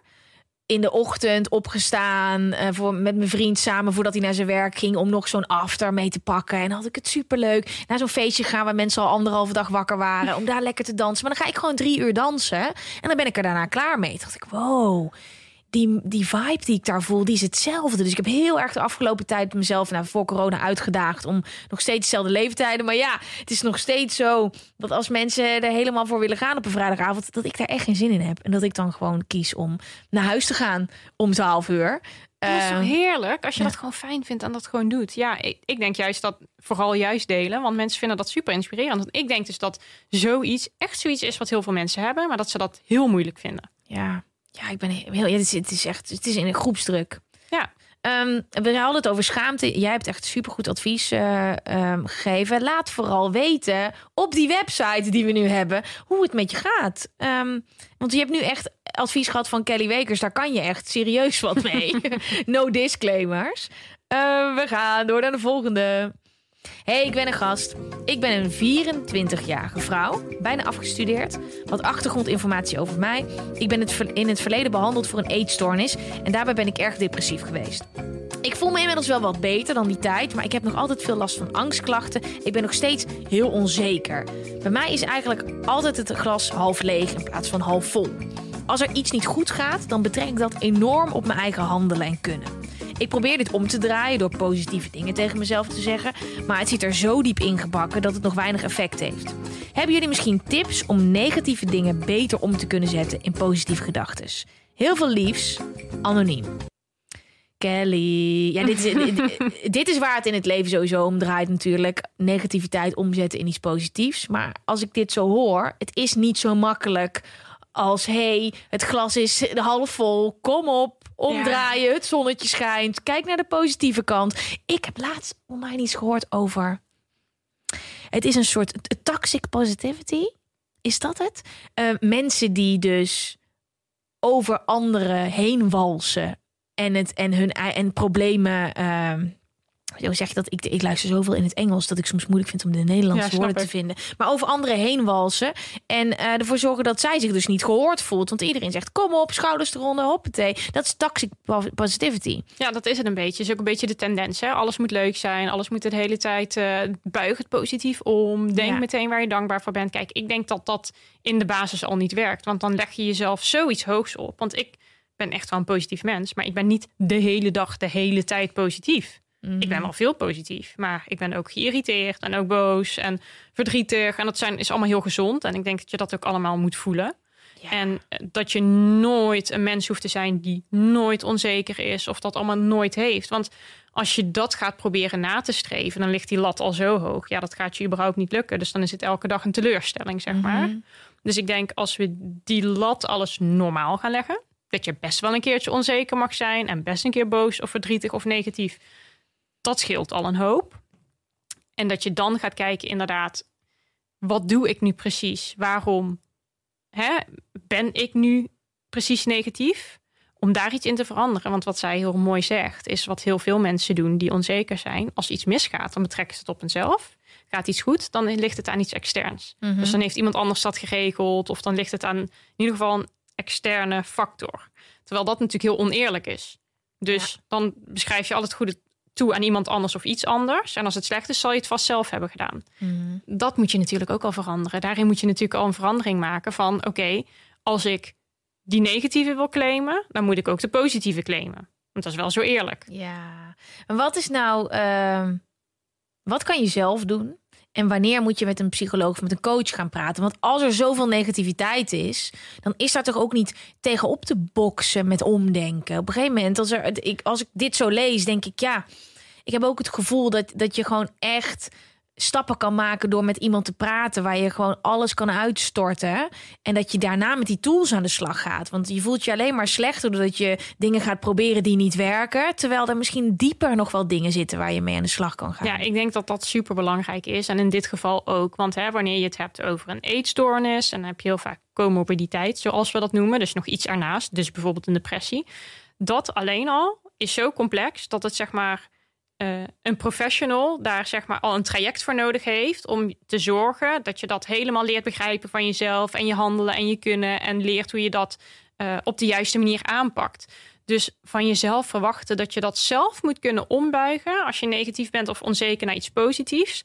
Ja, dat is gewoon heel erg lastig. Dus ik zou zo iemand echt aanraden van als je die gedachten hebt, ga echt met een coach aan de slag. Want het, het voelt vaak als zo'n grote stap, maar uiteindelijk, ja, als jij pijn hebt aan je been, ga je ook naar een dokter, weet je wel. Dus als jij last hebt van iets mentaals, is het super gezond om naar een dokter te gaan, want die kan je dan gewoon helpen. Ja. En een coach staat dan ook nog veel meer naast je en die kan je daar helemaal in begeleiden. Ja. En ik denk het, het grote probleem is wanneer je heel veel stoornissen, hè, dat klinkt altijd een beetje zwaar, ja, oneerbiedig vind ik, maar dat is nou eenmaal hoe we het eh, in de psychologie noemen. Maar zeker ook wanneer je het hebt over een eetstoornis. Het is overdreven grote focus op jezelf. Dus de Ja. hele dag nadenken over hoe zie ik eruit, wat voel ik, wat denk ik. Ehm, en dat is ook altijd de valkuil met zelfontwikkeling. Het is heel goed om jezelf te ontwikkelen, om bewust te zijn. Maar soms zeg ik wel eens, je hebt te veel tijd. Je Ja. denkt echt te veel na over jezelf en wat je doet. Ja. Want dat is ook, weet je, dat is ook niet de bedoeling om continu in je gedachten te hangen en Ja. na te denken over elke zet die je doet. Ja, ik denk dat ik op dagelijks niveau echt heel veel dingen doe die mij negatief zouden kunnen maken of onzeker of wat dan ook. Maar ik sta er gewoon niet bij stil. Ik ben wel weer door en naar iets anders. En ik, het is ook een, een natuur om je op iets positiefs te gaan richten en je bent alweer verder. En ben je juist heel zelfbewust, zoals ik dat jaar geleden heel erg was. Ja, dan zie je in alles een doemscenario, zeg maar. Ja? Hoe, hoe was dat een jaar geleden? Of jaren is dit Jaren, voor mij hoor. Maar eh, ik had bijvoorbeeld, ik heb nooit een eetstoornis gehad. Maar toen ik dus modellenwerk deed, was ik me heel bewust van mijn lijf. En wat ik at en letterlijk centimeters en kilo's. Ja, toen ik ben gestopt met modellenwerk, toen had ik daar zo'n hekel aan. Dat ik ook meteen eh, ehm, mijn weegschaal heb weggegooid. Nooit meer op mijn weegschaal gestaan. Eh, centimeter, nooit meer aangeraakt. eh, nooit meer naar maten kijk. Ik, het boeit me gewoon niet welke maat ik koop, als het maar lekker zit. Ja. Dus ehm, ja, weet je, daar, dat was voor mij ook zo'n proces van dat ik dacht van, ik ben niet de centimeters. Ik ben niet het aantal kilo's wat ik weeg. Mhm. Weet je, Eh, ik, mijn lichaam moet ook mijn lichaam kunnen zijn. En dat is niet mooier of minder mooi als het dikker of dunner is. Dan mag ik helemaal zelf bepalen hoe dat moet zijn. En dat is ook een proces geweest dat tijd nodig heeft gehad. Ja, Toch? Maar is het dan ook eh, niet zo dat je dan, als ik dit dan zo hoor en wat ik van jou hoor en eh, bij mezelf precies hetzelfde geweest, dat er eerst de kern van problemen is die je kan aanpakken? Want ik weet nog wel, nou, de- ik weet niet hoe vaak ik dit in deze vorm al heb verteld in de podcast, maar ehm, 2014, 2013 ging ik naar een psycholoog toe. Nee, alles wat ik daar heb aangepakt, dat wilde ik uit boeken halen. En ik dacht, oh ja, dankbaarheid. Of oh, een ritme. Of oh, patronen doorbreken. Ik begrijp wat hier staat, maar dat lukte me niet. Ik kwam daar echt met de vraag of ik niet gewoon kon leren hoe ik dagelijks naar de sportschool kon gaan. Of vroeg op kon staan. Of uh, boodschappen kon doen. Dat lukte me allemaal niet. Um, en ik las hoe het moest. Maar dat lukte me ook niet. En toen ben ik achtergekomen dat ik helemaal niet wist hoe ik me slecht moest voelen. Nou, dat was dus voor mij een project. Een project, zeg ik, maar dat heeft, echt, dat heeft jaren geduurd. Dat ik echt moest leren om me gewoon rot te voelen. Om negatieve gedachten te hebben en te beseffen: oké, sommige dagen zijn gewoon niet zo leuk. Ik dacht dat als ik geen reden had, moest gewoon de zon schijnen en moest iedere dag een tien hebben. Toen mijn uh, psycholoog tegen me zei: dit vergeet ik nooit meer. Gwen, weet je weet je dat de meeste mensen gewoon ook vaak zessen hebben als dagen. Toen dacht ik, dat. oh, wat depressief. Nee, ik niet. Ik, ik, maar misschien raak je daar een hele belangrijke kern. Wat heel veel mensen denken, is dat alles het is pas goed als het top is, als het die tien is. Dus je mindset is pas goed als je altijd blij bent. Of je lichaam, dat is nu ook hè, heel erg met dat body positivity vaak, vind ik nu een beetje. Dan is het dus, je moet jezelf helemaal accepteren en je moet over alles blij zijn. Maar dat hoeft helemaal niet. Je mag best je benen minder mooi vinden of je buik of whatever. Maar je kan dat gewoon accepteren en daar niet mhm. meer zo'n ding van maken. Dus ik denk dat daar meer, uh, dat je dat heel goed zegt van accepteren dat dagen soms ook een zes zijn. En dat er soms geen enkele reden voor is. En dat dat ook helemaal prima is. En dan ga je gewoon door. En wie weet is het morgen weer een acht of nog een keertje een zes en dan weer een tien. Top. Ja, ja en dat klonk voor mij als nou, onzin, want ik ben anders. Want als ik beslis dat mijn dag een 8 of een 9 of een 10 is, dacht ik, Jezus, is zo depressief dat mensen dus echt zessen hebben. Nou, ik kan je zeggen, mijn, mijn dagen met zessen zijn echt ook top omdat het vroeger ook wel eens een 2 was. Omdat ik de hele tijd in een 10 probeerde te leven. Dat lukte dan twee weken. En dan rolde ik weer naar beneden naar een 2. Um, maar dat heb ik dus eerst. Dat is dan mijn ding. Weet je, wat jij vertelt net ook jouw verhaal.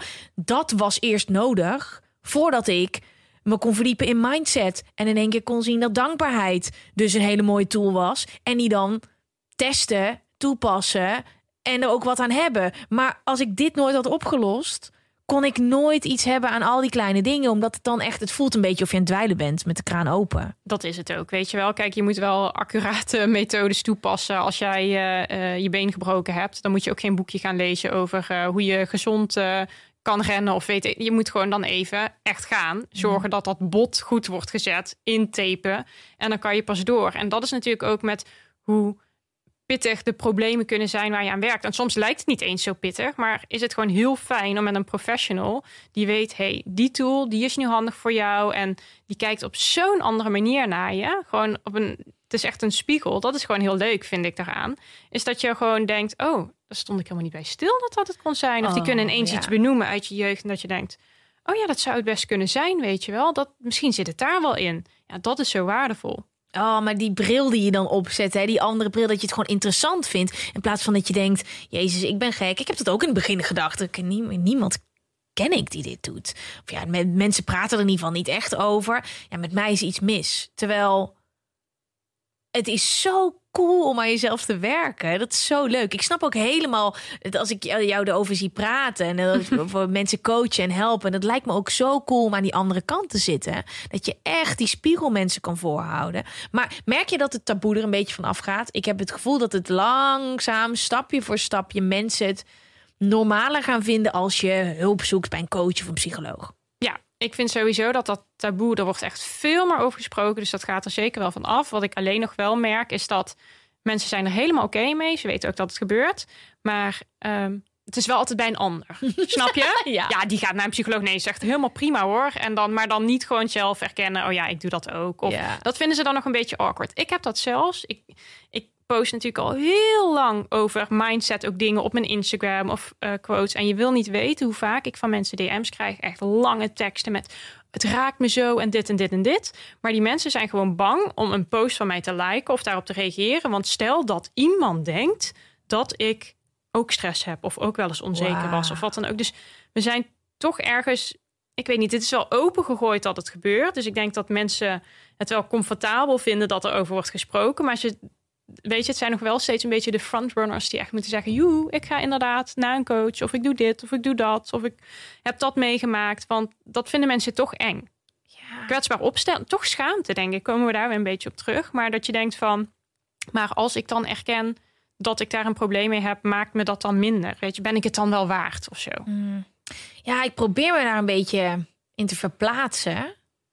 Maar ik had dat tien jaar geleden toen ik een burn-out kreeg. Maar dat was gewoon omdat ik, de, als je in begin twintig eh, een burn-out krijgt... en we zijn de, dezelfde leeftijd. Tien jaar geleden was dat gewoon heel raar. Dan was je echt... Je was echt hip. Ja, maar, ja maar, maar toen was het echt dat die mensen van mijn leeftijd die, ehm, ja, die, die kregen dat ook niet. Het waren alleen mensen in het zakenleven. Maar nu, ja, dat is ook misschien de bubbel waarin ik in zit. Dat ik kwetsbaarheid gewoon heel stoer en cool vind. En ook zie dat niemand perfect is. En dat iedereen op zijn eigen manier shit heeft om aan te werken. Je kan nog gelukkiger zijn, nog lekkerder in je vel zitten. Ik heb nu gewoon een coach laatst wel. Dat was helemaal niks heel heftigs aan de hand. Maar dat ik gewoon dacht, oh, ik zou me wel willen verdiepen in iets anders. Ik weet zeker als ik weer met iemand ga praten... dat er dan wel weer iets anders komt. Ja, maar dat is ook heerlijk. Ik doe dat sowieso elk jaar. Ik zeg elk jaar wil ik sowieso investeren in mezelf. Dus dan is het oftewel zakelijk, coaching ergens in... of puur voor mezelf, mijn persoonlijke ontwikkeling. Maar altijd, want ik vind het ook gewoon boeiend. Dus de, en er hoeft ook niet een probleem te zijn. Je hoeft niet ziek te zijn om beter te willen worden, weet je wel. Je kan toch ook gewoon lekker aan de slag gaan en kijken. En soms brengt het je meer, en de andere keer wat minder. Maar het is gewoon interessant. Hoe vind jij dan een coach? En zijn dat mensen die jij kent? Of ga je daar gewoon... eh, heb je een soort verlanglijstje van mensen waar je mee wil werken? Nou, het ligt gewoon heel erg aan waar ik naar op zoek ben. Dus, eh, en dat, dat kan ook dus heel van een heel simpel huistuin- en keukencoach ergens zijn. Waarvan ik denk, oh, daar wil ik wel eens mee kletsen. Tot Tony Robbins, een cursus volgen. Of hè, dat soort dingen. Ik heb ook zo'n hele coachopleiding van echt daadwerkelijk board certified coach. Dus dat ik mensen kan begeleiden vanuit zijn methodiek, zeg maar. Dus ja, het is net wat ik leuk vind, snap je? Dus en waar je behoefte aan hebt. En soms merk je, ehm, het ligt aan welke fase je in je leven zit waar, wat voor type coach. En dat denk ik dus soms ook wel. Ja, er is een wildgroei aan coaches. Maar ja, dat ze allemaal kunnen bestaan, geeft ook wel aan dat er gewoon heel veel verschillende vragen is. En voor iedereen wat wils. Tony Robbins, ik wilde er eigenlijk bijna ook zelf over gaan beginnen. Want ik zag dat je dus coaching bij hem hebt gehad. Ehm, waarom Tony Robbins? Ja, ik vind hem gewoon een held in zijn vakgebied. Kijk, ik vind hem ook ontzettend Amerikaans en eh, heel apart. En soms dat ik echt denk met mijn nuchtere Hollandse roots van wat is die gast aan het doen? maar Kan je een voorbeeld geven? Ja, weet je, als dan al die mensen met hun handen omhoog in die zaal en dan zijn ze allemaal aan het schreeuwen en hou elkaar vast en dat, ja, daar denk ik echt van, nee, dat hoeft niet van mij. Ik lek mijn energie dan al helemaal leeg aan al die mensen, weet je wel, dat ik denk nee. Maar dat is dan zo heel erg dat groepsgevoel of dan heel hard die muziek aan en dan moet iedereen meedoen. Maar ik vind hem daarin ook wel weer marketingtechnisch en hoe hij zichzelf positioneert en hoe hij eigenlijk gewoon iedereen kent bijna Tony Robbins. You hate him or you love him, maar je kent hem wel. Is gewoon heel erg knap hoe hij die business heeft gebouwd. En hij zegt wel gewoon hele ra- rake dingen. En waarom dat ik bijvoorbeeld zijn coachopleiding heb gevolgd. En niet alleen als in publiek hè, voor mezelf. eh, maar echt, wat hij heel knap kan, is heel snel vinger op de zere plek. Dus hij gaat met iemand zitten en hij gaat heel snel naar het kernprobleem. En wat zou de oplossing zijn? Maar hij heeft dat, jij hebt dat geleerd. Jij hebt geleerd om dat ook te doen. Ja, En, en hoe is dat dan? Want ik, ik ken alleen de eh, grote sessies en de arena's gevuld. Maar is dit dan ook een, een, een, een, een hal gevuld met mensen die hetzelfde Nee, leren? dit is een, eh, een eh, online leeromgeving. En dan moet je inbellen met ze, zeg maar. En Ja. dan krijg je sparring over hoe het gaat. En dan moet je dus echt met cliënten of klanten oefenen van hoe gaat dat dan. Dus het, is heel, het heet strategic intervention. Het is gewoon heel leuk. Dus het betekent strategische interventie. Dus snel, dat past heel erg bij mij. En dat doet hij dus, is niet altijd van die ellenlange trajecten. Dat is voor mij, als ik dan denk aan een coach en ik moet daar een jaar in een traject. Weet je wel, als het over mezelf gaat, dan denk ik, oh, het wordt allemaal zo zwaar, weet je wel. En hij gaat gewoon, hij duikt er gewoon in. Hij is recht voor zijn raap. Hij scheldt nog wat links en rechts. Hou ik ook van, zo lekker authentiek, weet je Ja. wel. En dan denk je, hij heeft ook gewoon gelijk. Hij Hij geeft je gewoon een schop onder je kont. Mhm. En dat, dat leert hij je dus heel erg van hoe kom je bij iemand snel tot de kern van het probleem. Want het is natuurlijk heel vaak als iemand bij je komt. En dat zal je bij jezelf ook merken. Als je een probleem hebt, je lult de hele tijd over het probleem. Maar het echte probleem zit er helemaal onder of helemaal rechts, helemaal op een andere plek. Mhm. En dat kan hij als geen ander. Ja, zo, ja, ik ben helemaal fan van Tony Robbins. Het staat heel hoog op mijn verlanglijstje om, eh, hoe heet dat ding in Miami? Die eh, Ehm, Hij doet het Unlimited eh, Ja. heeft hij. En eh, iets met gift en spark en ik weet niet wat het is. Maar het is een, een week lang volgens mij. Dit is ja, ik vind het gewoon heel fascinerend. Date with Destiny. Date with Destiny. Die, ja, ja, en ook. dat is gewoon, het is bijna een secte voor je gevoel, maar toch is het fascinerend. En Oh, ik dat je denkt, ervan. wat gebeurt er hier allemaal? Weet je wel? Dus ja, ik vind het wel knap. Hij heeft dat wel, eh, hij weet zichzelf wel te pluggen. En hij biedt mensen waarde uiteindelijk, hè? want Mhm. mensen vinden er heel veel van. Maar ja, iedereen die daar heeft afgerekend, ze zijn dolgelukkig als ze terugkomen. Dus eh top. Ik heb nog nooit iemand gehoord die ook maar iets van Tony Robbins heeft ehm, bijgewoond of gelezen. Die zegt, nou, dit is hem niet. Ik, ik, ben, ik ben echt fan. Ik ben echt fan. En ik was echt ook eh, op. Ik stond op het punt om ook echt iets te boeken. En toen kwam corona. En ik wil dan niet dat online gaan doen. Ik wil Nee, maar dat was ook. Ik heb dus echt een coachingsopleiding gedaan. Maar dus dat dat, is iets iets anders. anders, hè? Dat, ik- dat zou ik, dat kan ik prima aanraden. Ja. Maar ik zou zoiets. Dan moet je de energie Ja. van de zaal. En ik hoorde dan ook van vrienden. En dan is het. Hij maakt het extra koud in de zaal. Dus het is dan 14 graden of zo. Want dan blijf je wakker en actief. En daarom moet je de hele tijd springen. En dan denk ik, ja, ja ik vind dat gewoon fascinerend. Ja, dat is leuk, hè? Ja. ja, is leuk. Ik zal wel een verslag ervan doen als het me is gelukt. Nou, Eh, echt. ik, ga als corona voorbij is, ga ik, ken je Joe Dispenza Ja. ook? Ja. Gewoon zo'n hele tour ga ik doen. Van Ja, alle- jij gaat dan gewoon een jaar een sabbatical nemen. En dan alleen maar die types aandoen. En dan kom je gewoon helemaal versie 6.0 terug. Ja, ik wil ook zo'n hele lijpe meditation teacher training ergens aan de andere kant van de wereld. Dan ga ik zo en dan heb ik ook een grijze baard laten groeien. Nee. Ja, maar het is wel heel tof. Ik denk wel altijd van, je haalt er altijd wat uit, weet je. Er zitten altijd leuke dingen in en dat wat je nog bijblijft. En daar gaat het uiteindelijk om, toch? Ja, we zijn helemaal afge, gaan afwijken van. eh, nee, maar nee, maar dit is, dat is helemaal goed. Maar eh, eventjes kijken. eh, tips om eh, negatieve dingen beter om te kunnen zetten in positieve gedachten. Oké, dan gaan we even dat ehm, eh, eerste hoofdstuk voorbij.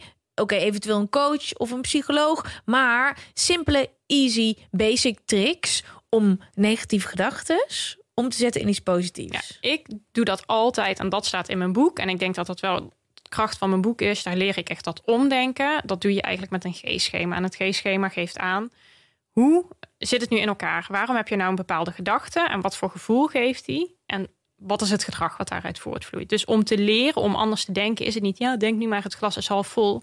Was het maar zo makkelijk? Ja. Maar zo werkt het gewoon niet. Want jij hebt allerlei kleine gedachten in je hoofd. En die geven je dat negatieve gevoel. En dat maakt ook dat je bepaalde dingen gaat doen of niet gaat doen. Die alleen maar maken dat het weer zwaarder wordt. Stel, jij stapt 's morgens uit bed. En jij denkt meteen, "Ah, echt geen zin in deze dag. Nou ja, wat geeft dat voor gevoel? Dat je er geen zin in hebt, negatief of wat dan ook. En in je gedrag zal je misschien denken, ik ga nog wel even snoezen. Ik ga me niet aankleden vandaag. Ik ga mijn pyjama hangen. Maar wat geeft dat weer voor een gedachte? Ja, deze dag is niet leuk. Dus dan kom je in zo'n spiraal. Dus het belangrijkste is, is dat je gaat erkennen welke gedachten zitten daar allemaal. En hoe kan ik kleine gedachten net iets anders denken, zodat de hele uitwerking anders wordt. Dus, Dus- wat komt er dan in de plaats voor ik heb er geen zin in vandaag? Ik had eh, een rotnacht, maar we gaan er gewoon voor. Het hoeft niet te zijn, vandaag wordt een tien. Dat hoeft het dus ook niet te zijn. Maar ja, ik had eh, inderdaad een rotnacht. Ik heb slecht geslapen. Maar ik ga er gewoon een mooie dag van maken. Mm. En dat maakt niet dat je denkt, halleluja. Maar dat maakt wel gemotiveerd, voel je je dan. Dat je denkt, ja, oké. En dan denk je ook meteen, dus ik ga me nu douchen en aankleden. En dat geeft weer terug aan je gedachten. Oké, ik had er misschien niet zo zin in, maar ik heb me wel al gedoucht en aangekleed. Nou, een trots momentje geeft dat qua gevoel. En dan zet je een hele keten van gedachten in gang en emoties en gedragingen die je helpen om er meer uit te halen. Dus Ja. het zit echt in die kleine dingetjes. En dat, kijk, ik weet dat dat moeilijk klinkt, want dat is het ook even. Dat is ook even oefenen. En waar ik ook echt tegen mensen zeg, en daarom staat het ook in mijn boek van, teken het eens uit. Schrijf eens op wat je denkt en wat zou je anders kunnen denken, wat rationeler is. Mhm. Dat maakt met oefening baardkunst. Elke keer opnieuw, hè, dat heb ik ook zelf gehad, of het dan over mijn lijf ging. Als ik dan dacht van, eh, je bent te dik. met modellen klussen. Dat ik dacht, wat denk ik nu? Dit slaat helemaal nergens op. Waarom voel ik me nu slecht? Ja, omdat ik denk, je bent te dik. Wat zou ik ook kunnen denken? Je bent goed zoals je bent. Ja, vind je jezelf dan meteen fantastisch? Geef je jezelf een 12? Nee, maar je bent wel oké. En het, dat maakt dat je langzaam in een andere mindset komt. Dus het is ook heel lastig, omdat we, we zitten vaak heel down en dan gaan we boeken lezen of zo en die maken dan dat je altijd een 10 of de hele tijd moet pieken. Maar daardoor, dat is gewoon een te groot gat. Dus je moet het langzaam bouwen. Ja, en het is zo gek hè, dat we ons fysieke lichaam. Je weet bijvoorbeeld, oké, nou ja, tenzij je een soort van sportvasten gaat doen. Maar eh, het traject naar een fit, gezond lijf, een makeover, whatever. Nou, dan weet je gewoon, ik ben hier even een paar maanden zoet mee en heb je vrede mee. Maar je hoofd, dan denk je, ik lees dit, ik bedenk dit nu, het moet er nu zijn. Terwijl het is zo waardevol als je dus stapje voor stapje, wat jij zegt, die gedachten uit gaat kristalliseren. En zo langzaam je hoofd ombouwt. Maar zo, ik, ik vind het heel helder juist wat je zegt. Die kleine stapjes. Inderdaad ook, oh nee, ik heb er geen zin in vandaag. Oh, dit kan gewoon de hele toon zetten. En dan is het echt niet zo dat je de ene dag daarna anders kan doen. Maar als je twee weken lang gaat oefenen.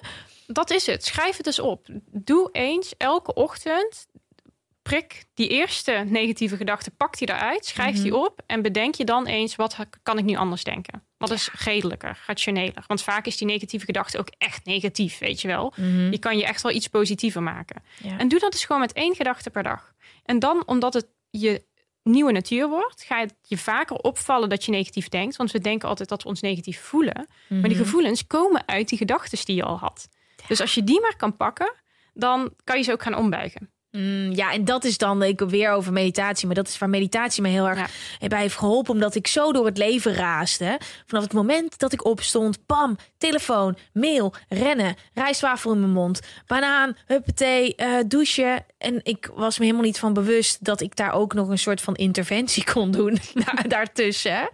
Um, maar ja, ik, uh, je boeken, ik heb het gelezen, ga het kopen. Twee boeken. En wanneer komt je volgende boek? Is dat ook voor iedereen of is dat puur Nee, dat is, dat is echt ondernemers. Dat is booming business. Dus het gaat heel erg over ondernemerschap. Maar uh, deze twee zijn echt voor iedereen. Happy Life 365 en Happy Life Hacks 365. Want het gaat over al, al dit soort dingen waar we allemaal mm. tegenaan lopen. Ja. En um, ja, ik heb het gewoon zo simpel mogelijk gemaakt om het op te lossen. En wat mij gewoon heel erg heeft geholpen. En waarom dat ik nu ja, mensen zeggen vaak, je staat zo relaxed in het leven. Maar dat ben ik nu ook echt wel. En ik was echt niet relaxed. Ik was gewoon echt zo'n perfectionist en altijd bezig met anderen. En grenzen niet aangeven. En het voelt ook echt een beetje als een ander leven. Ja, waar, wat jij ook zegt, dan zit je in zo'n proces en dan ga je gewoon jezelf ontwikkelen. En dan kan je niet meer stoppen. En dan denk je, hoe was ik ooit zo? Hmm. Waarom deed ik dat zo? Ja. Het voelt zo ver weg. Het is ook zo mooi als je achteraf terugkijkt. Ik weet niet of jij dat ook hebt, maar het is ook zo mooi hoe het uiteindelijk allemaal gaat bloeien en hoe het een plek krijgt, wel op het moment zelf het heel ellendig kan voelen en dat het lijkt alsof er, uh, of er geen, uh, of de zon niet meer opkomt bijna. Maar als je je best blijft doen en met vallen en opstaan. Want het is echt niet zo dat als je dit besluit dit te gaan doen, dat het dan iedere dag goed gaat. En als je één dag overslaat, dat dan het hele huis weer instort. Wat is het? Elke dag, als je gewoon elke dag één klein dingetje doet, dan is dat dus 365% per jaar. Elke dag 1 procent. Denk je, is toch niks?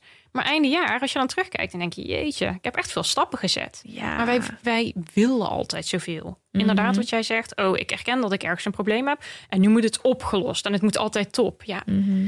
Weet je, misschien is dat ook echt wel een beetje de druk van social media, denk ik hoor. Iedereen ziet dat en denkt, het moet allemaal top, maar dat kan gewoon niet. Nee, ik denk zolang we daar maar over blijven praten en als we eerlijk blijven zijn, dan moet toch een keertje, denk ik, dan die luchtbel, de volgende generatie. Ik zie het ook wel steeds meer hoor. Dat eh, dit, nou, het besef is er al meer. Een hele hoop mensen weten al, social media is niet echt. Maar je trapt erop. Ik trap er ook in. Ik heb dan vorige week toevallig. Ehm, dat was ook waarom de week hiervoor geen podcast was. Omdat ik last heb van mijn ogen. En dan zie ik toch op social media iedereen's leven gaat door. En ik denk dat ik blind word. Dat is niet het geval. In ieder geval, ik weet nog steeds niet wat er met mijn ogen aan de hand is. Maar dat je denkt, oh, ik trap er toch weer in.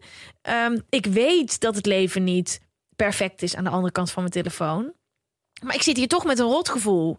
Want het voelt wel zo. Je pikt toch die signalen op. Het, het, is toch een bepaalde energie. Dus dat is nu dat eenmaal zo. Ik was ook echt gewoon een maand offline. Omdat ik zo lang online ben geweest de hele tijd. Omdat het onderdeel van mijn bedrijf is. En toen was ik eraf en toen dacht ik, oh wat rustig. je krijgt zoveel prikkels. En dan ben ik al heel bewust van wie ik volg. En dat ik daar energie van krijg. En of dat ik dat inspirerend vind. Of lachen. Of wat dan ook. In ieder geval dat het positief is. Mhm. Maar dan nog, als het dan even weg is, dan denk je ook van... Oh, wat een rust. Want je kijkt er toch naar. En je, dit, ergens, al doe je het niet eens bewust, maar toch een vergelijk. Of ik weet niet wat er gebeurt. Maar het is heel rustig als het er niet is even. En hoe is het om weer terug te komen? Ja, ik vond dat dus grappig genoeg best wel een beetje eh, zwaar. Ik had er gewoon niet zo'n zin in om terug te komen. Omdat ik dacht van... ehm, ik heb gewoon... Ja, weet je, het is sowieso op social media is gewoon een, een tijd nu. En dat, ik snap dat ook. Het is ook een lastige tijd met corona. Veel mensen zijn eh, natuurlijk best wel on edge. En dingen gaan niet goed. En mensen zijn heel erg in en zoomen op anderen. Ik vond de tendens vaak zo negatief. Ehm, maar ik heb wel eruit genomen van... Oké, ik moet heel bewust zijn op wie ik volg dat ik dat dus heel leuk vind. En ook heel actief dus ontvolgen. Mhm. En dat maakt niet eens alleen mensen hoor, maar ook merken die de hele tijd pushen naar dingen kopen of wat dan ook, hoeft dat allemaal niet. Dus dat eruit. En gewoon minder tijd erop. Want het is ook zo waar ik het meest van schrok toen ik offline ging.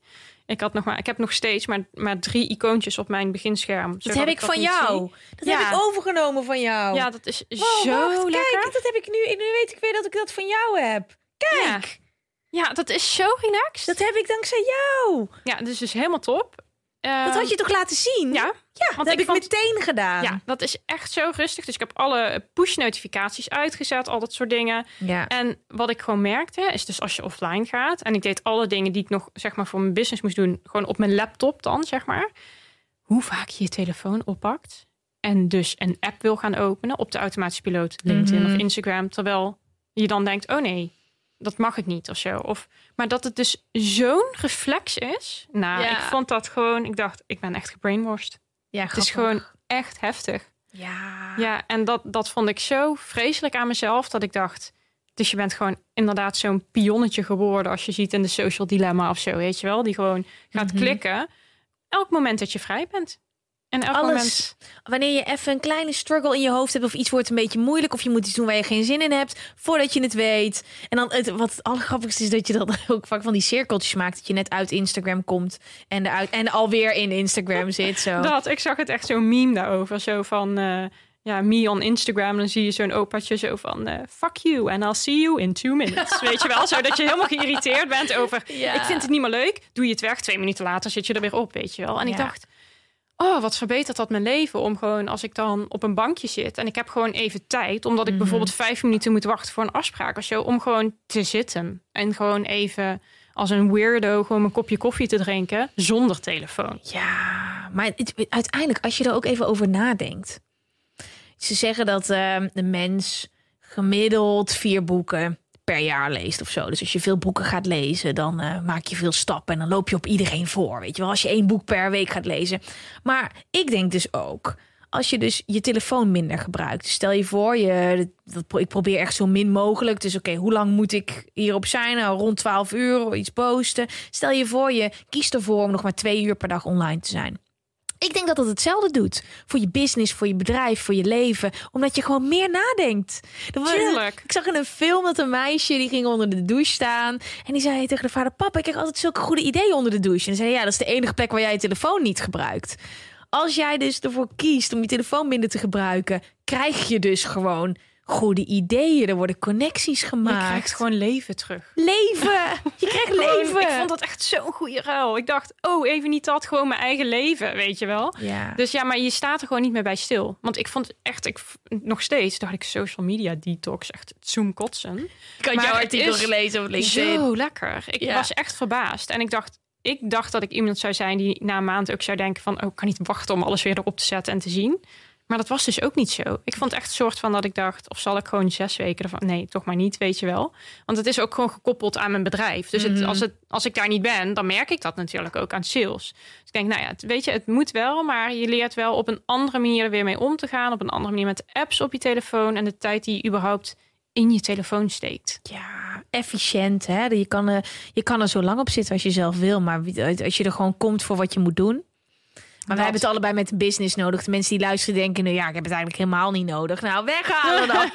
wegwezen. Nee, het is ook heerlijk om. Dat heb ik ook geleerd hoor. Dat, het is ook heerlijk om een paar mensen te volgen of accounts. Dat je denkt, ja, het is gewoon tijdverdrijf. Dat is ook Mhm. oké, maar baken het dan af. Weet je, ga Ja. dan lekker een half uur scrollen en zeg dan, dan is het ook klaar. Want als je het niet zelf stopt, dan is het gewoon drie uur. Ja, het is allemaal met zinvol je dag besteden. Ik snapte gewoon niet. Soms dan ben ik met iets bezig. Bijvoorbeeld dit interview voorbereiden. Ik heb dat vanochtend gedaan in een in 2,5 uur. Eh, en iets waar ik voorheen wel eens een hele dag over kon doen. Met meerdere interviews. Omdat mijn telefoon er was. En dan dacht ik, waarom was deze dag zo vermoeiend? Omdat je ondertussen 4,5 uur op social media hebt gezeten. Ja, dat is het. Ik leg zo vaak dat ding gewoon weg, vliegtuig voor een andere ruimte. En dan, als je het niet ziet, is de prikkel er namelijk ook een stuk minder. Ja. Dat is dus ook zo grappig. Maar ja, We gaan door naar de volgende vraag. Mm, mm, mm, yes. Hoi Gwen en Kelly. Eh, ik had dus gisteren nog gedropt. Hey, heb je vragen ook voor Kelly? Ehm, ik ben 29 jaar en ik heb het best goed voor elkaar in het leven, al zeg ik het zelf. Ik heb een leuke baan, lieve vriend, mooi huis en leuke vrienden en vriendinnen. Maar toch heb ik vaak het gevoel dat ik ergens niet bij hoor. Niet interessant genoeg ben of dat mensen me stiekem helemaal niet leuk vinden. Vooral op werkgebied kan dat me erg onzeker maken. Ik ga me snel vergelijken met bijvoorbeeld een hele populaire en zelfverzekerde collega. Dit maakt me vervolgens weer heel onzeker. Hebben jullie hier wel eens last van of hebben jullie tips? Groetjes. Fleur, dus het is niet anoniem. Denk ik. Nee, dit is niet anoniem. Eh, zoveel mensen hebben volgens mij dit gevoel. Herken jij het? ik heb het zelf niet, maar ik herken wel dat veel mensen dat zeggen, ja. Nooit gehad ook? Nee, niet zo. Nee, nee, eigenlijk niet. Ik ben niet zo van eh, heel erg van, van het vergelijken. Ik kon wel heel goed op mezelf letten, maar niet ten opzichte van een ander, snap je? Ja, ja, Dus ja, ja, ja, ja, ja. eh, nee, dat heb ik niet zozeer. Of dat ik denk van, oh, die doet het heel goed. Ik zie het al, altijd al vrij snel als inspirerend. Dan denk ik, wat kan ik dan daarvan pikken dat ik dat ook zo kan doen of zo, weet je wel? Mhm. Dus eh, nee, maar ik, ik denk wel, ik snap het wel. Want het is ook een soort van, ja, dan heb je alles en dan? Mhm. Ja. Wat wil je dan nog, weet je wel? En soms ga je dan misschien letten op inderdaad op dingen wat je eigenlijk helemaal niet zo relevant vindt. Maar ja, waar je toch mee bezig gaat zijn. Maar dit hoor je vaak, zei je al. Dit, is dit iets wat, wat mens eigen is? En waar komt het dan vandaan? Of is dit Ik- bij iedereen anders? Ik denk dat vergelijken natuurlijk sowieso mensen eigen is. Dat we heel erg naar anderen kijken en dan op jezelf betrekken. Oh, ik heb dat wel of ik heb dat niet. Weet je, of het nu gaat over, oh, die heeft al huisje, boompje, beestje. En ik ben nog vrijgezel. Of die heeft die topcarrière. En ik eh, heb een baan die ik niet leuk vind. En dus elke keer dat afzetten tegenover, dat denk ik wel. Dus daarom, ja, het is misschien ook een beetje het gevoel van, hè, het, het gras bij anderen is groener dan bij jezelf. En ja, ik denk altijd van, vaak als je het hele plaatje ziet, dan, je, het is, sommige mensen hebben iets wat je dan wil, maar die hebben misschien ook heel veel andere dingen die je allemaal niet wil. Dus je kijkt bijvoorbeeld naar die carrière van die collega en dan denk je, oh ja, die doet het echt top, weet je wel. Dat zou ik ook wel zo willen. Dan word je er onzeker van. Maar dan zie je misschien dat hij een topcarrière heeft, maar daardoor nog geen tijd heeft kunnen investeren in een partner of hè, eh, kids of een sociaal leven, omdat hij daarvoor gaat, wat ook helemaal oké is. Maar we vergelijken altijd op een stukje en dan betrekken we dat vervolgens op ons 100%. Ja. Ja, dat is natuurlijk een hele oneerlijke vergelijking. Dus ja, vergelijken doen we allemaal wel. En ja, ik, ik probeer dan altijd, ja, het is een heel suf advies, maar probeer het bij jezelf te houden, weet je. Daar, daar zit het uiteindelijk in. Van probeer te gewoon te kijken waar, waar jij staat, waar jij happy mee bent. En tuurlijk is om je heen kijken gezond, maar probeer hem altijd om te buigen. Dat doe ik in ieder geval.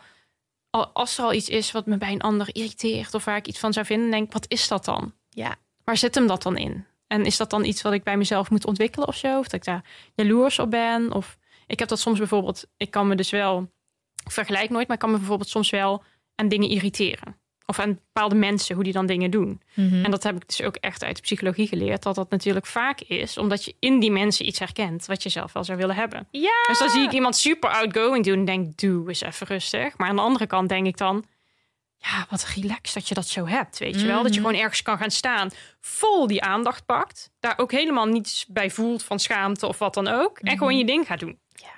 En dan is het zo fijn, zoveel vrijheid, dat je die verantwoordelijkheid bij jezelf neerlegt.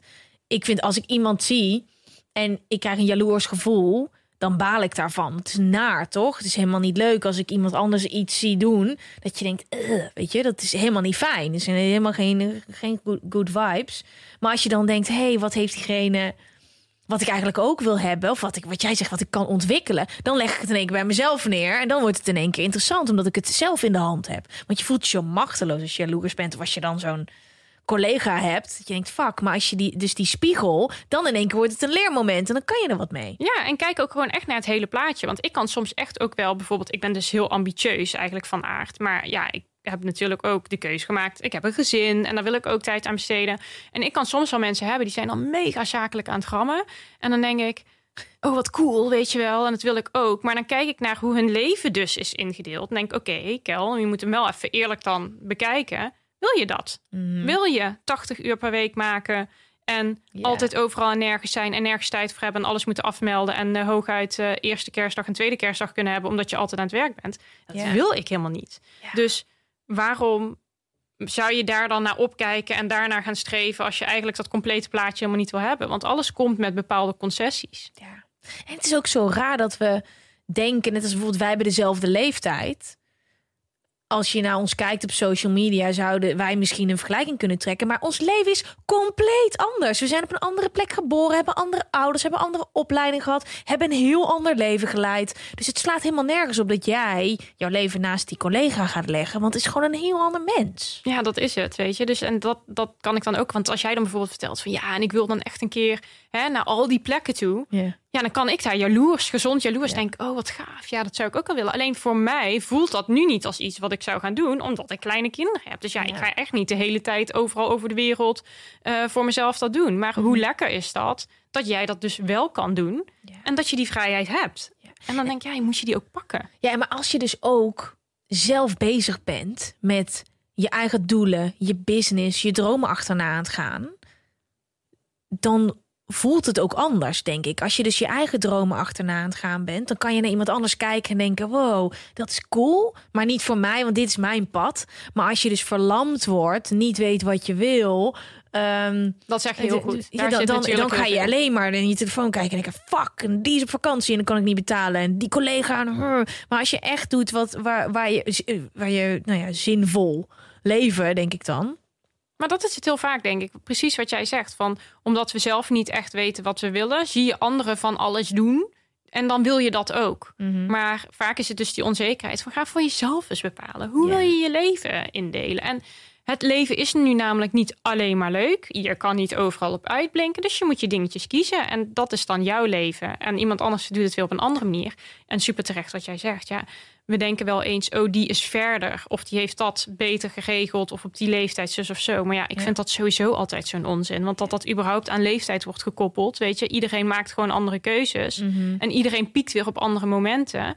En eh, nou ja, de meest geniale mensen die wij nu nog allemaal kennen, zijn vaak mensen die op latere leeftijd allerlei hele boeiende dingen hebben gedaan. Oh, die- dat zorgt ook ja. voor veel rust. Soms heb ik wel eens dat ik iemand zie en denk, hoe oud is die? Denk ik, oh ja, daar hebben we nog echt wel een paar jaar uitgegaan. Ja, Relaxed. nou ja, dat is best wel relaxed. Want die ze hebben vaak heel veel. Ja, als je ergens in wil gaan uitblinken, ja, maak je eerst ook heel veel fouten. En daar moet je lekker ook de tijd voor nemen. En dan ga je ineens denk je, hé, hey, maar nu heb ik het. En dan Ja. kennen we ze ineens allemaal. Maar dan als je dan de hele route ziet, denk je, ja, dat zal wel dat ze pas op hun 45ste echt iets hebben neergezet. Want daarvoor, ja, waren er andere dingen en ging het ook wel eens mis. Ja. Een quote, ik weet echt niet waar ik hem vandaan heb, maar die mij heel erg heeft geholpen is: de enige wedstrijd in het leven die je rent, is die met jezelf. Eens. Dus als je je focust gewoon op je eigen wedstrijd, dan maakt het geen fuck uit hoe andere mensen die wedstrijd rennen en of ze voor jou binnenkomen of daarna. Want je, als je gewoon echt die, dat eh, mijn vriend heeft me daar heel erg bij geholpen, omdat ik echt wel vastliep in. Toen ik weg was bij BNN, wist ik niet wat ik wilde maken, maar ik wilde mijn eigen dingen maken, maar ik wist niet wat. En hij zei: als je gewoon iets gaat maken waar jij blij mee bent. Gewoon iets. En ik had echt in mijn hoofd, weet je wel, kijkcijfers en alles wat ik eerder had gedaan. Maar iets waar jij blij mee bent, dan maakt het dus echt niet uit wat anderen daarvan denken. Want dan is het jouw ding. Nou, dat is dan toevallig deze podcast geworden. Wat ik heel spannend vond om eh, live te zetten. Maar toen zag ik wel, ja, Ja, maar dat is eigenlijk topadvies, weet je. Want daar gaat het uiteindelijk om. En door het vergelijken met anderen ga je misschien andere dingen kiezen. Terwijl begint echt bij jezelf. En misschien zit daar ook weer het stukje in, hè, het vergelijken met anderen, van ehm, dat iemand anders iets goed doet. Of dat je bepaalde dingen van je leven even minder leuk vindt. Dat is ook oké, weet Ja. je. Het, het is niet de hele tijd leuk. En dat een collega misschien beter is in iets, is eigenlijk ook prima. Dus ja, weet je, ik denk altijd van als je dat alleen al kan ombuigen wanneer je ergens jaloezie voelt van wat is dat dan? Kan ik daar zelf iets uit meenemen? Kan ik er Ja. iets in ontwikkelen? Of vind ik het ook wel best dat die ander dat heeft? Want ja, ik heb weer andere kwaliteiten. Dan los je denk ik al een heleboel op. En dankbaarheid. We hebben het aan het begin al eventjes over gehad. En ik weet niet waarom we er anders in gaan fietsen. Ik heb zo. We zijn echt een hele lange podcast aan het opnemen trouwens. Ik weet niet, moet je weg? Nee hoor, nee, nee, Oké. nee. Klets lekker Ehm, verder. Ehm, dankbaarheid is misschien ook iets wat hierin kan helpen. Maar ehm, ik vroeg aan jou, wat doe je als je down bent? Nou, dan denk ik aan waar ik dankbaar voor kan zijn. Hoe zet jij dit in als tool? Ook tegen jaloezie, onzekerheid, negativiteit. Hoe gebruik je dat? Ja, dit is eigenlijk sowieso een tool, hè, heel bekend uit de psychologie. Een van de weinige dingen die bijvoorbeeld ook Tony Robbins dus toepast. Het is onmogelijk om zeg maar op hetzelfde moment negatief en zuur of wat dan ook te zijn. Een negatieve emotie te voelen en dankbaar te zijn. Dus op het moment dat jij shift naar een gevoel van dankbaarheid, dan word je positief geladen. En dat is gewoon iets wat in ons brein gebeurt en wat ja, je lichaam dan gaat voelen. Dus als jij op een moment ergens bent en je bent verdrietig of down of negatief en je wil dat gevoel niet, als je de switch maakt naar eh, dankbaarheid, dan is die ook echt weg. Dus ja, hoe ik het gewoon zelf toepas, is ik sta elke dag op met drie dingen noemen waarvoor ik dankbaar ben. Maar niet hardop dat ik dat als een mantra, maar gewoon in mezelf. En s'avonds doe ik dat ook weer. Dus ik ga altijd naar bed met een goed gevoel en ik sta altijd blij op. Oh, wat fijn. En dat kunnen hele duffe dingetjes zijn, hè? Zoals, eh, oh wat heerlijk dat vandaag de zon schijnt. Oh wat Ja. lekker, een eh, vers bakje koffie. Of eh, Ja. lekker met kindje in bed, zoiets. En al is het dan een rukdag tussendoor en gebeurt er van alles en nog wat. Als ik s'avonds in bed lig, dan kan ik even denken...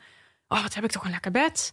Weet je wel, ik ga lekker eh, slapen. Morgen weer een dag. Dat je even daarbij stilstaat. Dan is het dus heel moeilijk om negatief te blijven. Mhm, Ja, ik heb hem echt wel heel hard nodig gehad, dankbaarheid. Vorige week toen ik...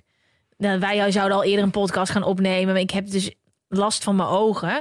Toen heb ik de vier inzichten. Ken je dat boek? Nee. Don Miguel Ruiz. Het kan zijn dat ik die naam helemaal verkeerd heb, maar het is best wel een spiritueel boek.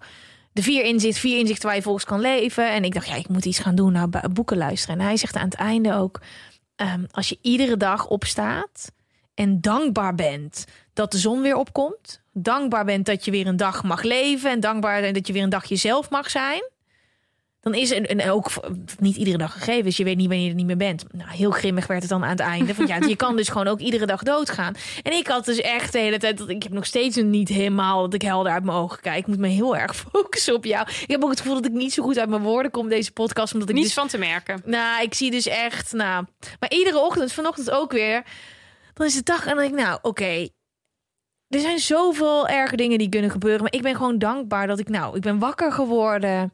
Ik kan weer een dag mezelf zijn. Oké, ik heb wel echt last van mijn ogen, maar ik ben gewoon heel dankbaar voor deze dag. Ik ben echt als een freak dit iedere ochtend ook gewoon zelfs tegen mijn vriend gaan zeggen. Die had geen idee natuurlijk. Ik ben heel dankbaar dat ik vandaag wakker ben geworden. En dat ik gewoon weer een dag eh, mag leven. En dat heeft echt wel geholpen om het, om het perspectief te veranderen. Van oké, Ik denk dat dat de allermakkelijkste tool is als je iets met zelfhulp wil doen of hè, met positiever in het leven staan. Al doe je helemaal niets, maar benoem je elke ochtend en elke avond waar je dankbaar voor bent, dan maakt dat dus gewoon een verschil. Dat is zo bijzonder hoe dat werkt. En dan, weet je, met het nog steeds nuchter te houden, want vaak wordt het dan weer overdreven. Ik moet de hele dag dankbaar zijn. Nee, je kan erge dingen meemaken en dat iemand anders het nog erg heeft, betekent niet dat jij niet iets erg mag vinden, weet je wel. Dus dat hoort er ook bij. Alleen het is heel lekker voor jezelf, als je wel op een gegeven moment jezelf er ook uit kan trekken en kan denken, oké, en nu is het klaar. ja. Want er zijn inderdaad ergere dingen. Mhm. Zon, het is, ik denk dat dat is het. Het is niet, het is grijs. Het is niet zwart-wit, weet je Ja. wel. Het is accepteren dat sommige dingen bij het leven horen. Dat inderdaad misschien sommige mensen het erger hebben. Maar ook, ja, je mag ook wat vinden van jouw dingen. Mhm. Jij bent er ook. En voor jou is het belangrijk. Dus is het ook belangrijk om erbij stil te staan. Ja, mooi. Heel leuk. Het vaak over dankbaarheid, maar dit is weer een hele eh, andere hoek. Omdat het heel vaak heel groots wordt neergezet. We hebben het ook wel eh, met Maaike Bartels, eh, ge- geluksprofessor, erover gehad. Die zegt ook wetenschappelijk bewezen. Maar wat jij zegt, het hoeft niet groot te zijn. Het kunnen kleine dingen zijn. Als je het gewoon iedere dag doet. ik kan het gewoon met hele kleine dingen hebben. En dan maakt het voor jezelf makkelijker. Want dat vind ik altijd een beetje het moeilijke aan het hele zelfhulpgoeroe. Dat je de hele dag zijn we blije mensen en alles is leuk. Ha. Ja, Ja. nee, dat is gewoon niet zo. Tenminste, Nee. mijn leven niet. En ik heb al een fantastisch mooi leven. Dat weet ik gewoon. Maar dan denk ik, ja, zeker voor anderen is het... Ja, shit hoort erbij. En als je dat Mhm. gewoon leert incasseren... maar ook leert relativeren... dan Ja. kom je er denk ik wel. Dan voel je je overal best wel eh, lekker. Mooi. Ehm. Nou, daar hebben, dat, dat was top. Dat, dat advies dat zit er helemaal in. Dan hebben we... We hebben gewoon de laatste vraag. Voor iedereen die nog luistert. Nee, ik weet dat ze van lange po- podcasts eh, houden. Oké, deze is zeker anoniem. Hey, ik heb sinds kort je podcast ontdekt en ik vind hem echt super interessant. Ik heb zelf een vraag over jezelf ontwikkelen, want ik ben hier volop mee bezig. Maar ik merk dat ik alle interessante dingen die ik over mezelf leer niet goed in de praktijk kan aanpassen of toepassen. Het blijft allemaal in mijn hoofd en de uitvoering loopt een beetje vast. Misschien door de hoeveelheid inspirerende mensen die ik volg, of misschien door de persoonlijke blokkades, chronisch zieke student die veel moet slapen en niet kan werken. Maar dit kan erg frustrerend zijn. Heb jij of je gast praktische tips om de stap van denken naar doen te zetten? Ik zie dan vaak de tip gewoon doen, maar dat lukt dus juist niet. Liefs en succes met de podcast.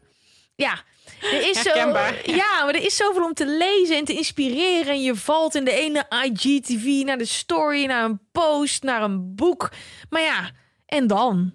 Dat is het ook echt. En dat is wat ik ook altijd tegen ondernemers zeg die je coach. Kijk, op een gegeven moment moet je gewoon een strategie kiezen. En dan blijf je daarbij. En dan moet je ook eigenlijk niet willen dat je je de hele tijd nog met andere dingen laat inspireren. Want dan krijg je zoveel op je af.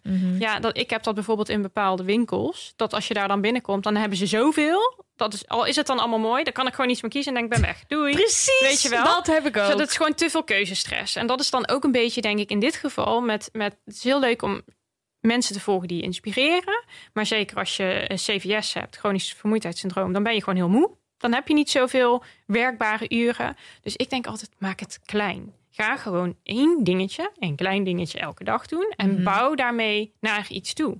Want als je de hele tijd naar nieuwe dingen gaat, ja, dan hoor je inderdaad, ja, en ik moet eigenlijk vier keer per week sporten. En ik moet elke dag mediteren. En ik moet elke dag Ja. zoveel gram groente eten. En dat is nog goed voor mijn hersenen. En ik moet zus. Het is too much. Oh, ja. Daar word je juist helemaal alle kanten uitgetrokken. Terwijl ik denk van, als jij gewoon beslist, oké, ik ga elke dag 20 minuten naar buiten en een wandelingetje maken. En ik ga dan niet op mijn telefoon, maar ik ga lekker rondkijken.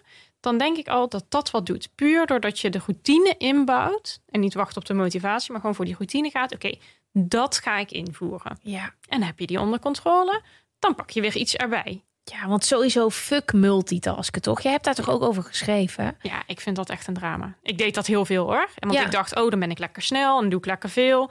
Maar je, je haalt zo het plezier uit alles. En je bent er gewoon niet meer bewust bij. En ik dacht de helft van de tijd, wat heb ik nou eigenlijk net gedaan? Of dan reed ik weer op de automatische piloot ergens naartoe en dacht ik, wat erg. Ik, ik weet niet eens waar ik voorbij ben gereden. Weet je wel, zo heel erg had ik dat. Ja, maar het was ook cool. Er is toch ook in de jaren negentig was waren volgens mij de hoogtijdagen van eh, multitasken. Want het is cool, want zeker wij vrouwen, wij kunnen vier dingen tegelijk. Terwijl het wordt minder leuk en het wordt minder goed en het is uiteindelijk minder snel. Dat is het. Dat, dat- en dat is ook al honderdduizend keer bewezen in allerlei boeken. Ja. Dus ik denk dat, dat je leven al meer rust geven is als je al eens gaat monotasken. Dus wat je doet met aandacht doen. Of dat Mhm. nu koken is of douchen of je tanden poetsen. Echt, dan ga je al zo'n verschil merken. Ja. Wij zijn het natuurlijk allemaal gewend. En niets ten nadele van je podcast. Maar hè, Ja. we gaan eh, douchen. Dan zetten ze meteen een podcast aan. En ondertussen denken we ook nog even dat boodschappenlijstje uit. En die afspraken die we in de middag ook nog hebben. Nou ja, waar is dan het hele ontspanmoment? Je kan beter even zeggen, ik douche drie minuutjes. Daar ben ik echt bij. Ja. Dan ga ik mijn koffie drinken. En dan zet ik bijvoorbeeld die podcast aan. En dan, Mhm. dus dan ga je het meer achter elkaar doen. Waardoor het je ook niet zo leeg trekt. En je er ook echt iets van vindt en aan beleeft, zeg maar.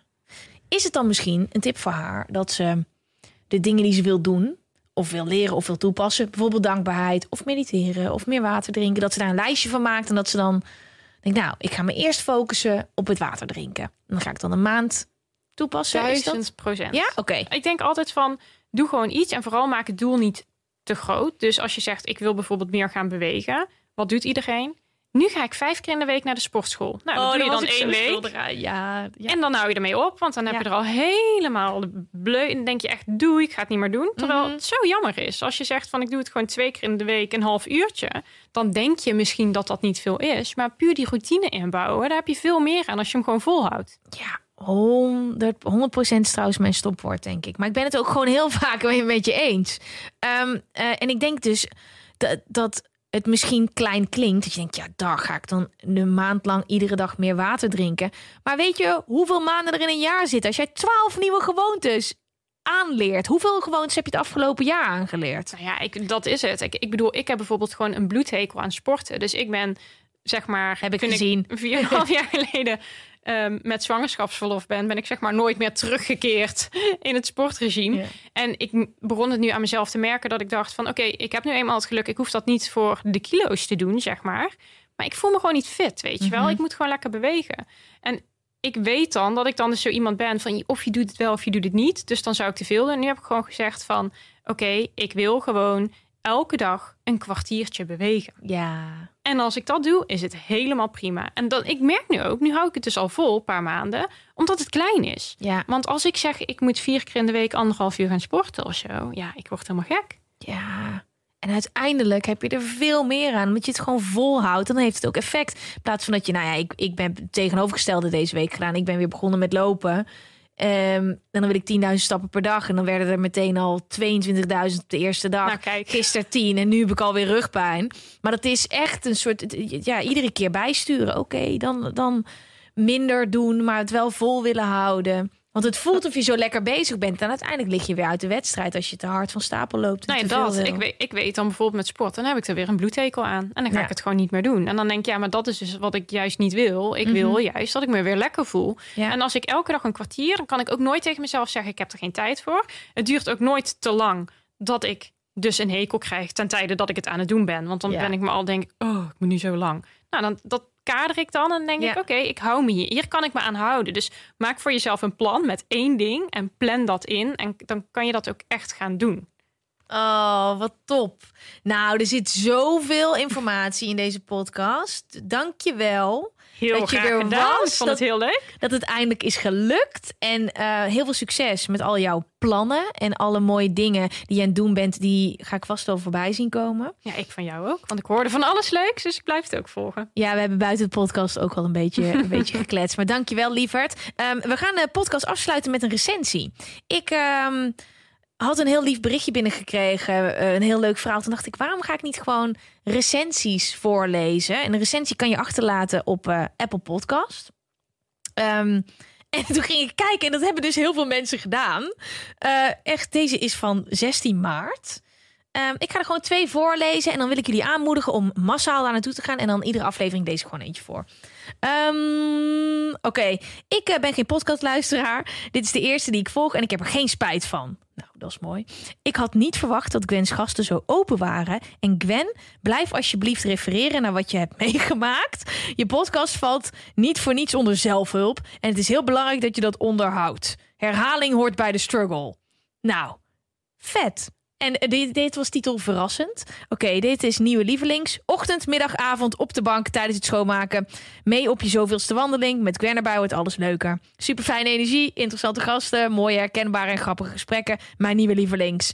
Yes, oké. Nou, steek die maar in je... Mm, Ja, toch? Dit Nou, is veel, top. veel po- maar ik beloof ook dat ik negatieve ga voorlezen als jullie iets negatiefs te melden hebben. Maar dit was een mooie afsluiten. precies. Oké, dit was er. Tot volgende week. Dit is vervelend. We hebben nog 30 seconden advertentieruimte beschikbaar, maar jouw merk zit er niet in. Wil jij deze ruimte beter benutten en staan waar voorheen HelloFresh of Samsung stonden? Mail dan naar adverteren@tonymedia.nl. Weet je waar ik zo'n tyfushekel aan heb? Toeristen, als het te druk is in de stad, zelf koken. Ja, alles wat je nu zojuist benoemt. En daarom maken jij, denk Daan Hogevorst, Ja, Robert Rodenburg. een podcast waarin we alleen maar klagen. Want klagen is HET medicijn tegen het collectieve leed wat maandag heet. Dus elke maandagochtend een nieuwe te horen op je favoriete podcast-app. Maandag Klaagdag! Jezus, zingen moeten wij nooit doen. Planning for your next trip? Elevate your travel style with Quince. Quince has all the jet setting essentials you'll want for your next getaway, like European linen, premium luggage options, buttery soft Italian leather bags, and so much more. And is all priced at 50 to 80% less than similar brands. Plus, Quince only works with factories that use safe and ethical manufacturing practices. Pack your bags with high-quality essentials you'll be wearing for vacations to come with Quince. Go to quince.com slash pack for free shipping and 365-day returns.